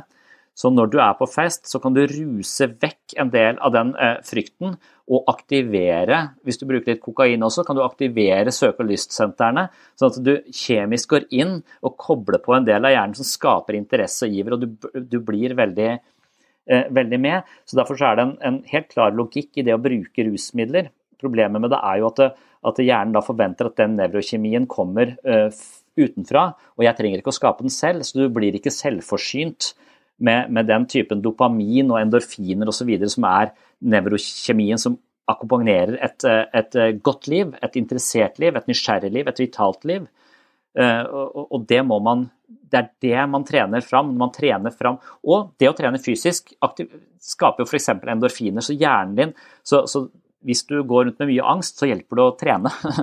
Eh, fordi at det nettopp også aktiverer den delen av hjernen. Så det kan man se på at de som ruser seg og blir nyktre, de har kjempeproblemer med depresjon. De kommer inn i en apati, og de får dype depresjoner fordi at nettopp den hjernen som skal, eh, skal skape mening i livet, den har, de, eh, den har, ikke noen egen motor, så den må de, må de aktivere selv. Og Derfor så vil de fleste rusmisbrukere som klarer å være nyktre over tid, de vil bli treningsnarkomane i en periode, eller superkristne en periode. Eh, det, det, er i hvert fall min erfaring med de menneskene jeg kjenner eh, som har slutta å ruse seg. For det Gud eller trening, det aktiverer den delen av hjernen. Det var bare veldig jeg, jeg, husker ikke hvor jeg har det fra, men jeg mener, jeg mener at jeg hørte, om, eh, jeg hørte på en podcast hvor det handlet om ultraløp. Og da var det en fyr som kommenterte det at ja, du vil ikke tro hvor mange tidligere alkoholikere jeg kjenner som nå driver med ultramaraton. Som er jo kanskje noe av det mest ekstreme du kan gjøre sånn treningsmessig. Uh, men det var, det var, en helt annen kontekst, og, og ikke samme referansegrunnlaget som du har lagt ned nå, da, men eh, der, der har vi den. Du, jeg, jeg, ser jo at tiden flyr her, og jeg har veldig lyst til å bare touche litt på Fordi nå har vi jo lært vanvittig mye om disse fenomenene, og, og, dette er sikkert noe som eh, jeg i hvert fall må høre på et par ganger for å få med alle nyansene i kunnskapsspekteret ditt. Eh, men eh, dette med meditasjon og mindfulness har vært en litt sånn hva skal vi si En litt sånn greie som jeg har lyst til å snakke litt om med forskjellige folk. Fordi det har det har gitt meg veldig mye. Det har uh, måtte, åpnet opp øynene mine litt, og så sitter jeg allikevel med en sånn følelse av at liksom, Hvorfor lærer man ikke dette tidligere? Hvorfor er ikke dette en del av grunnskoleutdanning? Hvorfor liksom, blir man ikke bevisst seg selv? Hvorfor lærer man ikke å ta sin egen eh, temperatur? Og, og, ikke minst, hvorfor, hvorfor, får man ikke vite når man er liten at eh, Eh, du har tanker og følelser. Du er ikke tankene og følelsene dine, ikke sant? sånn som du snakker om. Så jeg føler at vi eh, Eller jeg tenker at vi eh, må vie litt plass til dette. Og, og, nettopp grunnen til at jeg har lyst til å snakke med deg om det, er fordi at jeg har hørt, at, hørt deg snakke om dette på en veldig nøktern måte tidligere, da. Så kan ikke du liksom Litt i lys av, da, eh, angst og depresjon si noe om hva du tenker hvor, eller hvordan du tenker mindfulness og, og meditasjon og sånn kan, kan, spille inn eh, der? Ja. Jeg tror det liksom er en, eh, en aktiv uh, mental styrketreningsform som kultiverer den innsikten vi har snakka om. At du stirrer på ditt eget indre liv og oppfatter at du er i en posisjon som observerer det, og ikke er det. Så, så du, du, du, observerer, og, du, og, målet er jo å la ting komme og la de, la de gå, men ikke, ikke, hoppe på det toget som er livet, og, og bli eh, ja, bilsyk, eller hva man blir av, i alle disse svingene. Så, så, jeg, så jeg er ganske oppmerksom på at det, det vil være det, det, vil være litt det samme som vi snakket om i stad, en form for diffusion, som uh, ACT kaller det. Altså en form for avstand, en slags Idet du eh, observerer deg selv tenke, så er du ikke den som tenker, men den som observerer tenkeren, på en måte. Og da, da er du i en annen posisjon.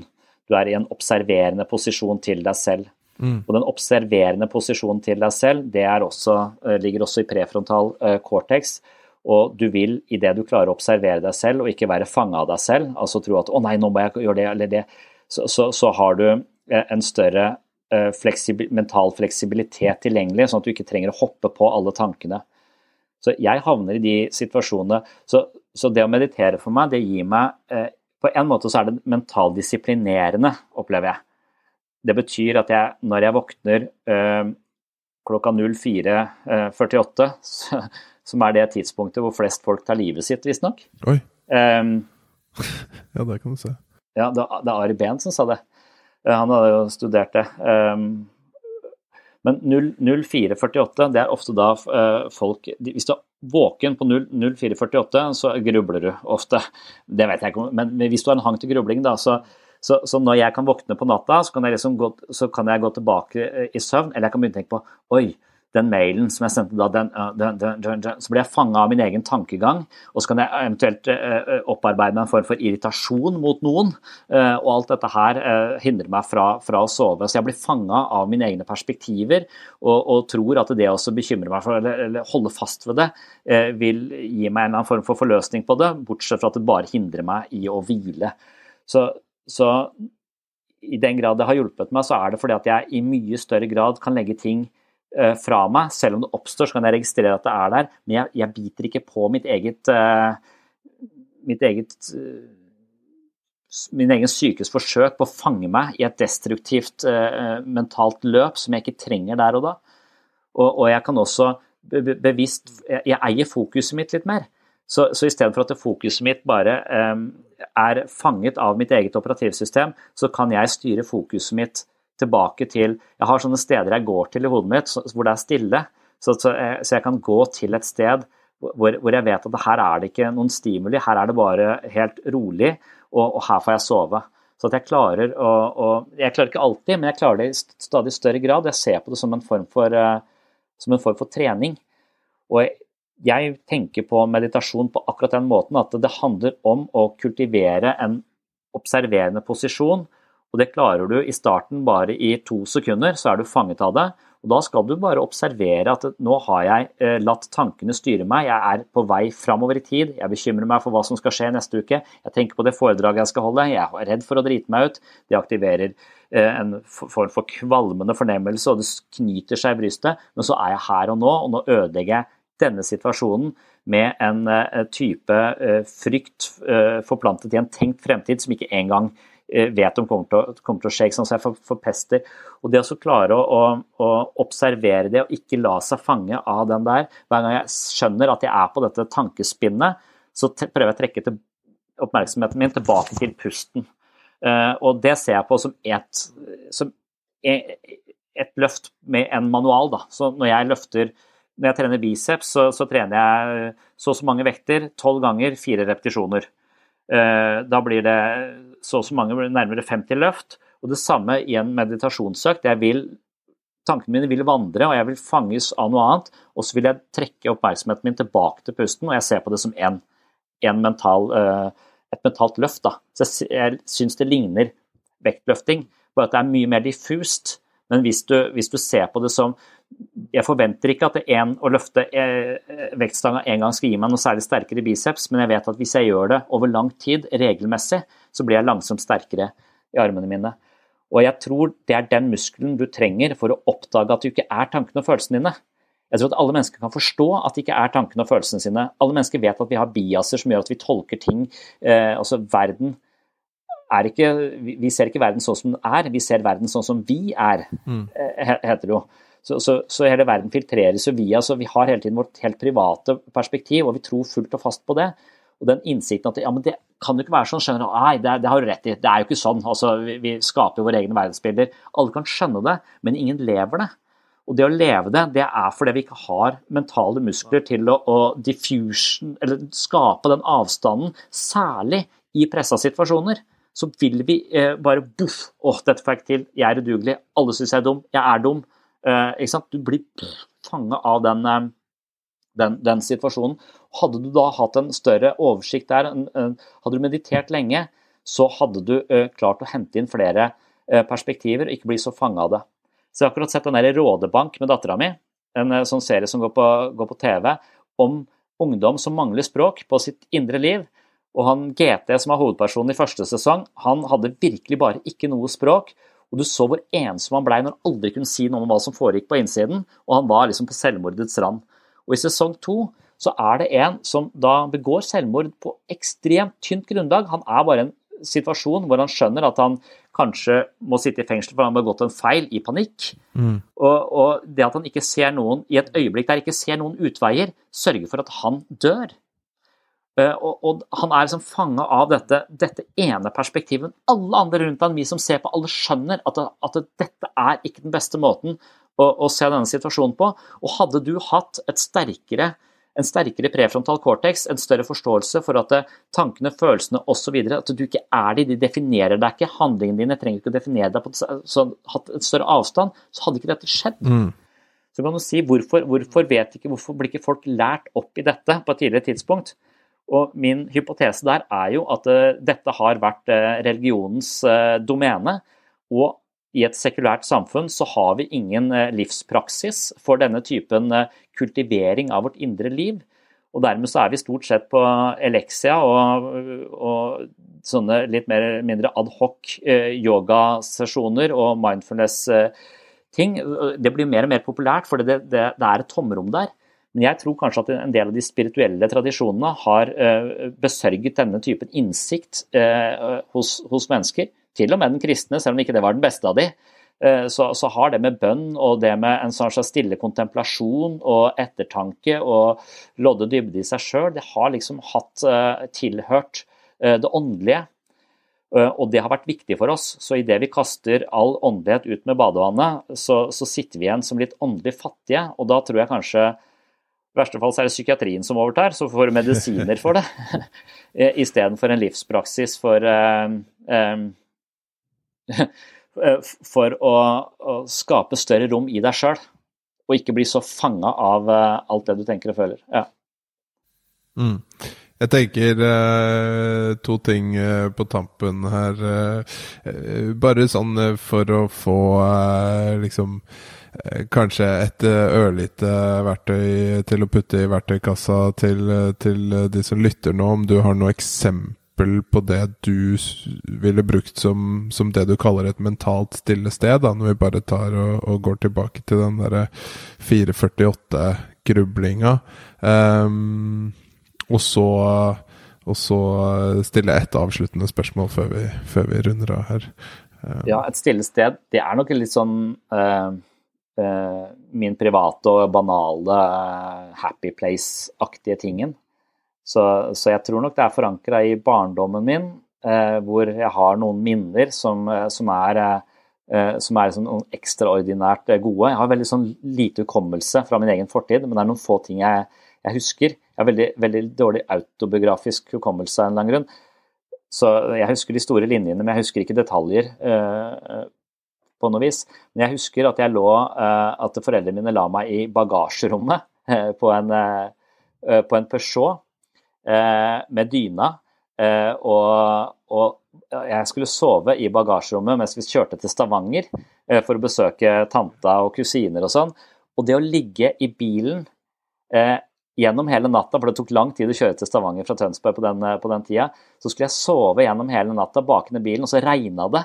Og så kjørte vi, og så lå jeg der, og så regna det. Og så var det bare det, er det mest fantastiske jeg kan forestille meg. Ligge i en bil, og det regner, og jeg bare ligger der og ser opp og på en måte ja, jeg vet ikke. Så, så det er sånn type regn. Og, eh, og med dyne og pute? Ja, med dyne og pute.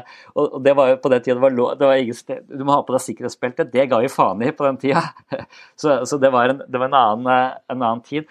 Men, men, sånne jeg tror nok kanskje, så Derfor så er nok regn er kobla til en sånn eh, Så jeg har Av og til så hører jeg på regn når jeg legger meg. Så jeg har en sånn, et lydspor som, som jeg merker roer meg ned, og det forankrer meg i dette ene stedet. og så jeg hører på regnet, og jeg, jeg, ligger og bare lytter til regnet, og da er jeg liksom sentrert, og da klarer jeg å stoppe tankevirksomheten, som kan være veldig spennende. Jeg er ikke en sånn som grubler så veldig ofte på negative ting, men jeg er sånn som grubler veldig på mye på hva jeg har lyst til, så jeg er veldig nesten mer sånn manisk-aktig. at jeg, det, det, det, er spennende. Så jeg, så jeg tenker det er gøy å tenke de tankene, men det er ikke søvndyssende.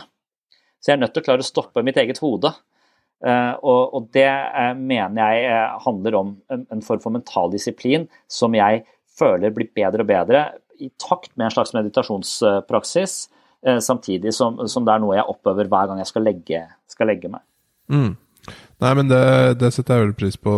Det, dette handler jo i større grad om at da får folk en uh, kontekst og uh, en uh, hva skal vi si, en litt så klarere bilde av hvordan man skal finne sine egne mentale stillesteder. Og, og da er det jo egentlig bare meditasjonspraksisen og det å klare å komme ut av den bobla som er, som, er, problemet. For da vet du hva du, kan, hva du kan gjøre når du har kommet deg ut av det. Ja, jeg lurer på om det er et Eller jeg opplever selv at det er et sted å være eh, som ikke er tenkende, men observerende.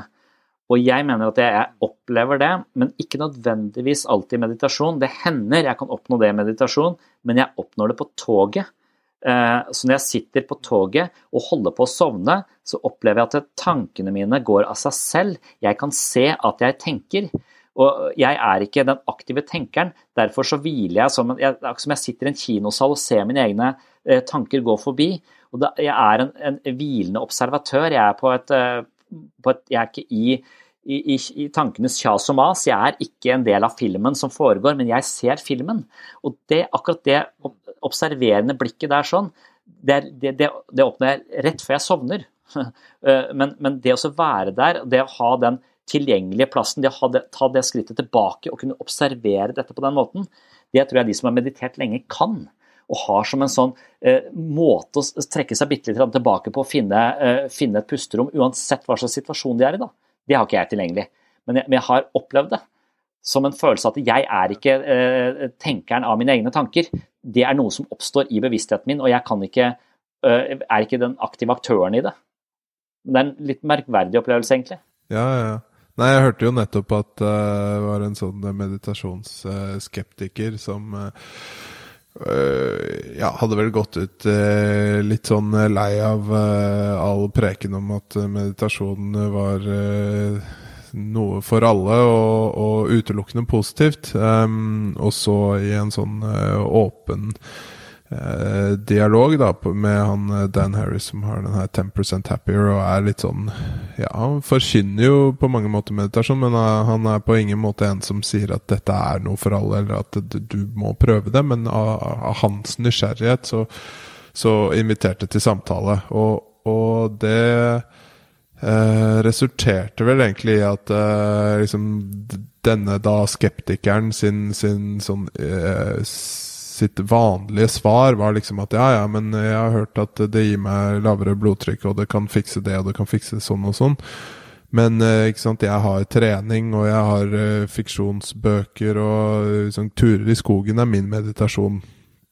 Og, og hvorpå han Dan sier at ja, det er vel og bra, og, og, for all del ikke slutt med disse tingene her, men, men kan du gå en tur i skogen i ti sekunder før du skal på scenen og holde et foredrag. Eh, og det vil hjelpe deg å roe deg akkurat der og da. Eller kan du lese en eh, fiksjonsroman eh, liksom i ti sekunder, og det senker pulsen din akkurat nok til at uh, du møter opp i det møtet litt klarere eller litt roligere. Eller? Altså, det, det, er noe med den herre ja, som du er inne på, den derre evnen til å kunne umiddelbart fremkalle dette her. Um, som, som føles ut som i hvert fall eh, det som burde være mål, eller det man skal trene på. da, Og så må jeg si for min egen del at det er jo heller ikke der at det eh, punktuerer eh, hverdagen min eh, fullstendig med jevne mellomrom, men, men, jeg ser jo også som deg at, at dette er en mulighet, da, og, og um, det er vel derfor jeg er veldig glad i å benytte anledningen til å ta det inn i samtalen så ofte som mulig. Ja, og så at det, det ikke nødvendigvis er eh, noe jeg gjør som en sånn definert praksis før jeg skal et eller annet heller, men jeg tror bare bevisstheten min om at jeg ikke er tankene og følelsene mine, at jeg ikke har gifta meg med de tankene og følelsene som oppstår i øyeblikket, fordi at eh, meditasjon nettopp er den observasjonen av nettopp de tankene og følelsene. Da har jeg en slags erfaring på at jeg ikke er de. Så når jeg ser de spiller seg ut i bevisstheten, så har jeg en, en levd erfaring på at jeg ikke er tankene og følelsene mine. Jeg kan godt forstå når Eckhart Tolle eller Sam Harris eller noen forklarer meg at jeg ikke er tankene og følelsene mine, men det er bare en intellektuell forklaring. Så så lenge den ikke er, altså er forankra i praksis, så, så, så, vet ikke jeg Så kan jeg egentlig ikke uttale meg uh, Ja, det er, det er som det, det er som å liksom lese en bok om trening og aldri ha trent. Du vet ikke hva trening gjør med deg før du liksom har faktisk eh, vært inne i helsestudio og prøvd det ut et års tid. Sånn at det, eh, Ja, så, så, så sånne meditasjonsskeptikere som kan mene at eh, jeg, har også lest flere, flere av de, og, og jeg syns ofte det er på litt tynt grunnlag. For det første så syns jeg ikke det har gjort det lenge nok, og for det andre så syns jeg alltid de blåser opp farene ved det. Som, og da tror jeg de overdriver eh, hvor effektivt det er. Det er, ikke, det er, ikke, det er liksom sånn Det er sånn hvis du kommer til å ta 20 pushups, så, så ødelegger du livet ditt. Altså det er veldig få mennesker som vil kollapse av 20 eh, pushups. Eh, det er ikke alle som klarer det, da, men, men altså, det er på litt det nivået. Det hvis du, du, trener feil over veldig lang tid, så kan du kanskje ha noen helsemessige eh, men, men, da tror jeg også du trener feil. Jeg tror, ikke, jeg tror vi om sånn ganske stor grad av overbevisning kan si at det, Eh, det er trygt å si at trening er bra for de fleste av oss. Det fins enkelttilfeller som ikke skal trene, kanskje ME-pasienter. I langt de fleste tilfeller så vil trening ha en positiv eh, påvirkning på deg hvis du er et menneske. Ja, ja.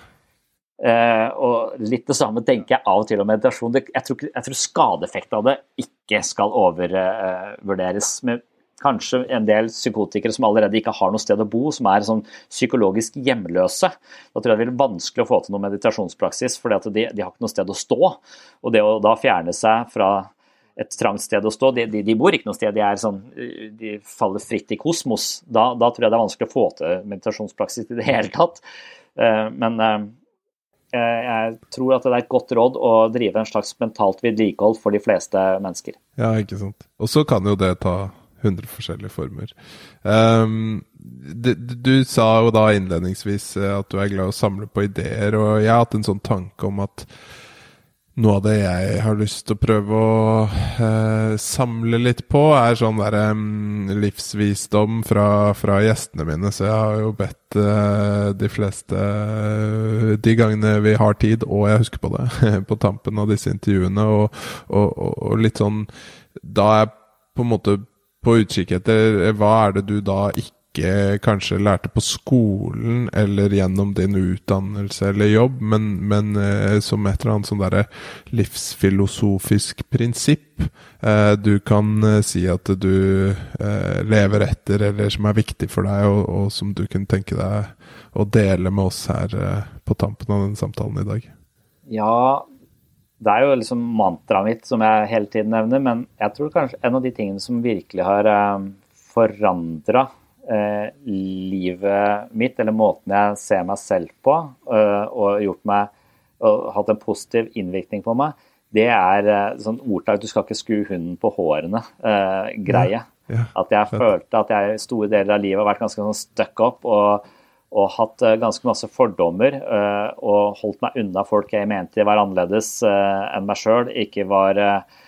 Ja, så at jeg har hatt en sånn slags statusjag som en del av ungdomsskole og videregående osv. Og, så og viktig å høre til i de riktige miljøene osv. Og, så og at det var en anstrengende kamp som gjorde at jeg gikk glipp av, av utrolig masse flotte mennesker. Og den første erkjennelsen den kom nok i militæret, hvor jeg ble stua inn på rom med ti andre, eh, og tre av de tenkte jeg helsike, de der er ingenting til felles med. Og så viste det seg at det var jo helt utrolige eh, folk som jeg hadde gått glipp av hele, hele livet.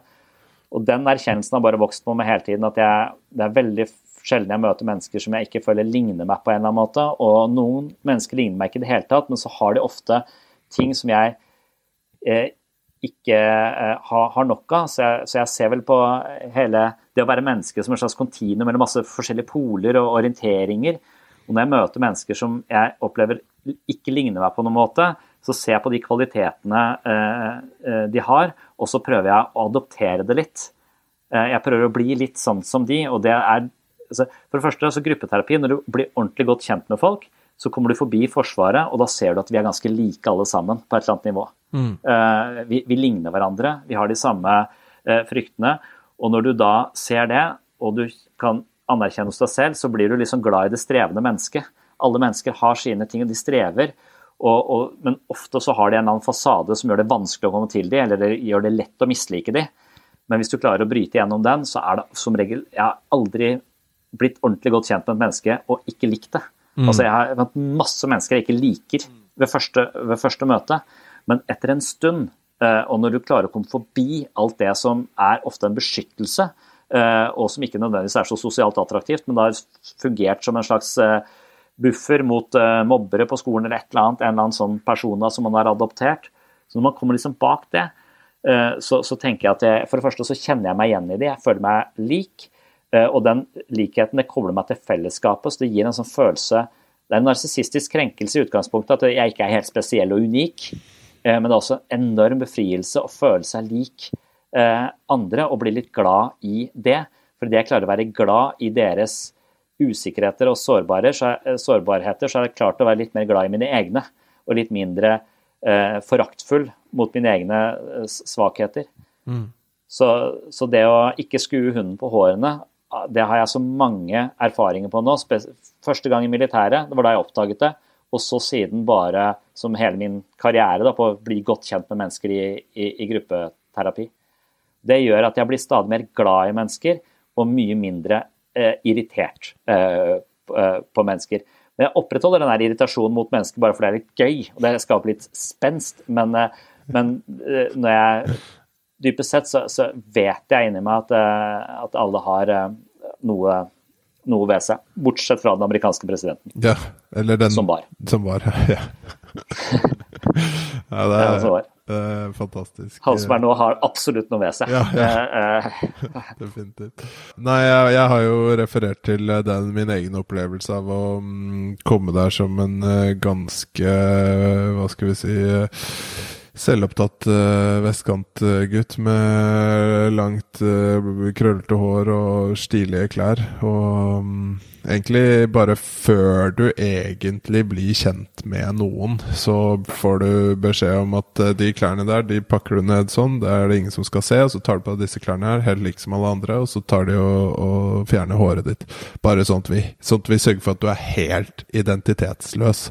Uh, men det resulterer jo da at du du blir jo kjent med personligheten til folka mye fortere, og så har du jo ikke minst det kameratskapet som dukker opp etter å bli piska rundt i skauen i et par dager, eh, våt og kald og redd. Eh, ja, ja. Fantastisk opplevelse som jeg, som jeg, ser tilbake på, og, og jeg er glad jeg slipper å gå gjennom eh, igjen, men som jeg absolutt ikke ville vært foruten. Så Nei, det Men det, den, den syns jeg var veldig fin. Jeg er usikker på om jeg hadde gått i den retningen sjøl, hvis ikke jeg hadde blitt nudga dit eller tvunget dit. da. Mm. Militæret var den derre tvangen inn dit.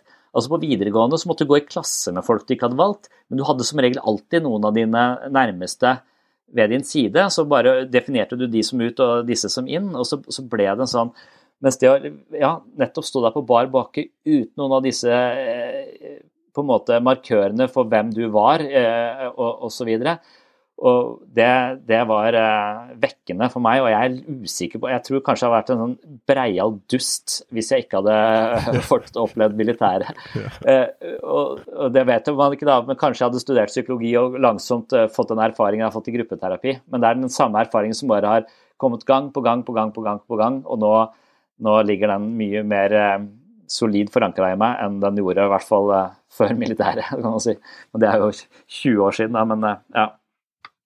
Nei, det var uh, veldig flott, og, og, og, jeg må bare si tusen, tusen takk, Sondre. Det, dette her um ja, eh, levde opp til forventningene mine. Jeg må jo si jeg, jeg er jo veldig fan av, av det du gjør, eh, og, og, har gledet meg veldig til å høre dine perspektiver, og tror dette her blir uh, one for the books, som jeg skal høre gjennom et par ganger, og, og se om jeg klarer å uh, ja, virkelig la denne kunnskapen befeste seg på best mulig vis. Så, så tusen takk for tiden din, altså.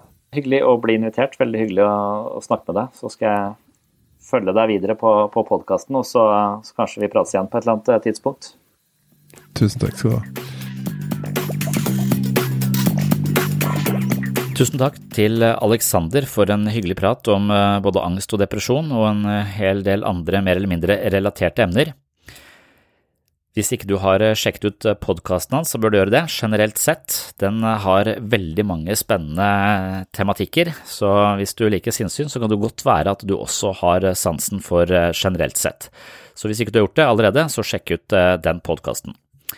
Jeg innledet denne episoden med en liten video fra Psykologforeningen, altså en av Psykologforeningens egne opplysningsvideoer om depresjon, og jeg er litt usikker på om vi klarte å angripe angst på en tilfredsstillende måte, så jeg vil bare forsikre meg om at vi klarer å lande eh, spørsmålet om angst på en grei måte, og vil derfor også avslutte med en av Psykologforeningens egne videoer om angst. Så her er det en annen svært anerkjent psykolog, Anders Skuterud, som gir oss en kort oppsummering av hva vi forstår ved begrepet angst. Redsel er vår naturlige reaksjon på det som er farlig. Den reaksjonen har hjulpet oss til å overleve både som individ og som art. En løve er farlig, og et stup er farlig, og vi reagerer på det. Men det kan også være slik at vi kan få den samme reaksjonen i forhold til en mus, og til og med en tanke. Da kaller vi det angst. Angsten kan ta mange former. Ofte kjenner vi det først som uro i maven. Vi kan svette i hendene. Eller vi kan mer stivne til i kroppen. Og det er fysiologiske reaksjoner. Men det er også slik at katastrofetanker kommer. Og vi kan ofte begynne med unngåelsesatferd. Når angsten knyttes til ett fenomen eller en ting, altså slik som å kjøre heis eller en edderkopp, så kaller vi det en fobi. Andre ganger kan det være mer generalisert, altså at vi har disse reaksjonene at vi er urolige, at vi er rastløse, at vi kjenner at hjertet banker for mye. Men vi klarer ikke å finne noen årsak til det, og det er mer en generalisert angstlidelse. Noen ganger tar angsten form av anfall, og at vi får rett og slett panikkanfall, og det kalles panikkangst. Det er vanlig å prøve å unngå det ubehaget som ligger i angsten. Og det er klart, hvis vi kan klare å unngå det, så er det jo fint men det som er skummelt, er at disse unngåelsesforsøkene ofte kan bidra til at vi bare forsterker angstlidelsen. Altså at vi dermed bekrefter vår egen falske tanke om at noe er farlig. Angstlidelser er vanlig. Mellom én av fire og én av fem får en angstlidelse gjennom livet. Det positive er at vi har gode behandlingsformer for angstlidelser, og i forhold til mange angstlidelser kan en behandle dem på kort tid. Noen ganger er angsten så integrert i personligheten at den trenger lengre tid for behandling. Men behandling hjelper. Hvis du har sterke eller langvarige plager som hindrer deg i livet ditt, bør du søke profesjonell hjelp. Det finnes god psykologisk behandling for de aller fleste angstlidelser. Når det gjelder medisiner, kan disse være effektive, men en skal være litt forsiktig med dem av to grunner. Det ene er at det lett kan være slik at en bare skyver problemene foran seg istedenfor å ta tak i dem. Det andre er at disse medisinene kan være avhengighetsdannende, og at en må være forsiktig av den grunn. Hvis en er usikker på hvorledes en skal søke hjelp, kan en drøfte dette med fastlegen, eller en kan kontakte psykolog direkte. Takk for at du hørte på Sinnsyn. Takk til alle dere som har rata podkasten og delt den i sosiale medier og anbefalt den til venner og bekjente. Hvis du finner verdi her på Sinnsyn og vil ha mer sinnssyn og har lyst til å støtte dette prosjektet, så er patron.com for seg sinnssyn stedet å gå. Og hvis du følger med på sinnssyn, så vet du det allerede, så derfor gidder jeg ikke å si noe mer om det i dag. Tusen takk for følget, og på gjenhør i neste episode. Shalabais!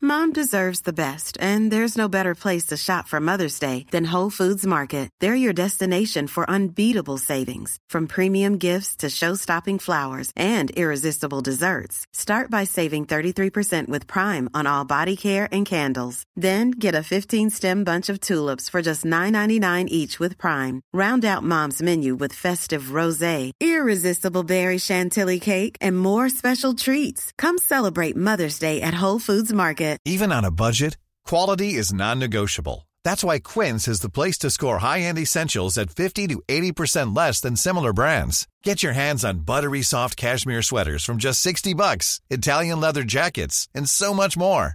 And the best part about Quince, they exclusively partner with factories committed to safe, ethical, and responsible manufacturing. Elevate your style without the elevated price tag with Quince. Go to quince.com slash upgrade for free shipping and 365-day returns. Even when we're on a budget, we still deserve nice things. Quince is a place to scoop up stunning high-end goods for 50 to 80% less than similar brands. They have buttery soft cashmere sweaters starting at $50, luxurious Italian leather bags, and so much more. Plus, Quince only works with factories that use safe, ethical, and responsible manufacturing. Get the high-end goods you'll love without the high price tag with Quince. Go to quince.com slash style for free shipping and 365-day returns.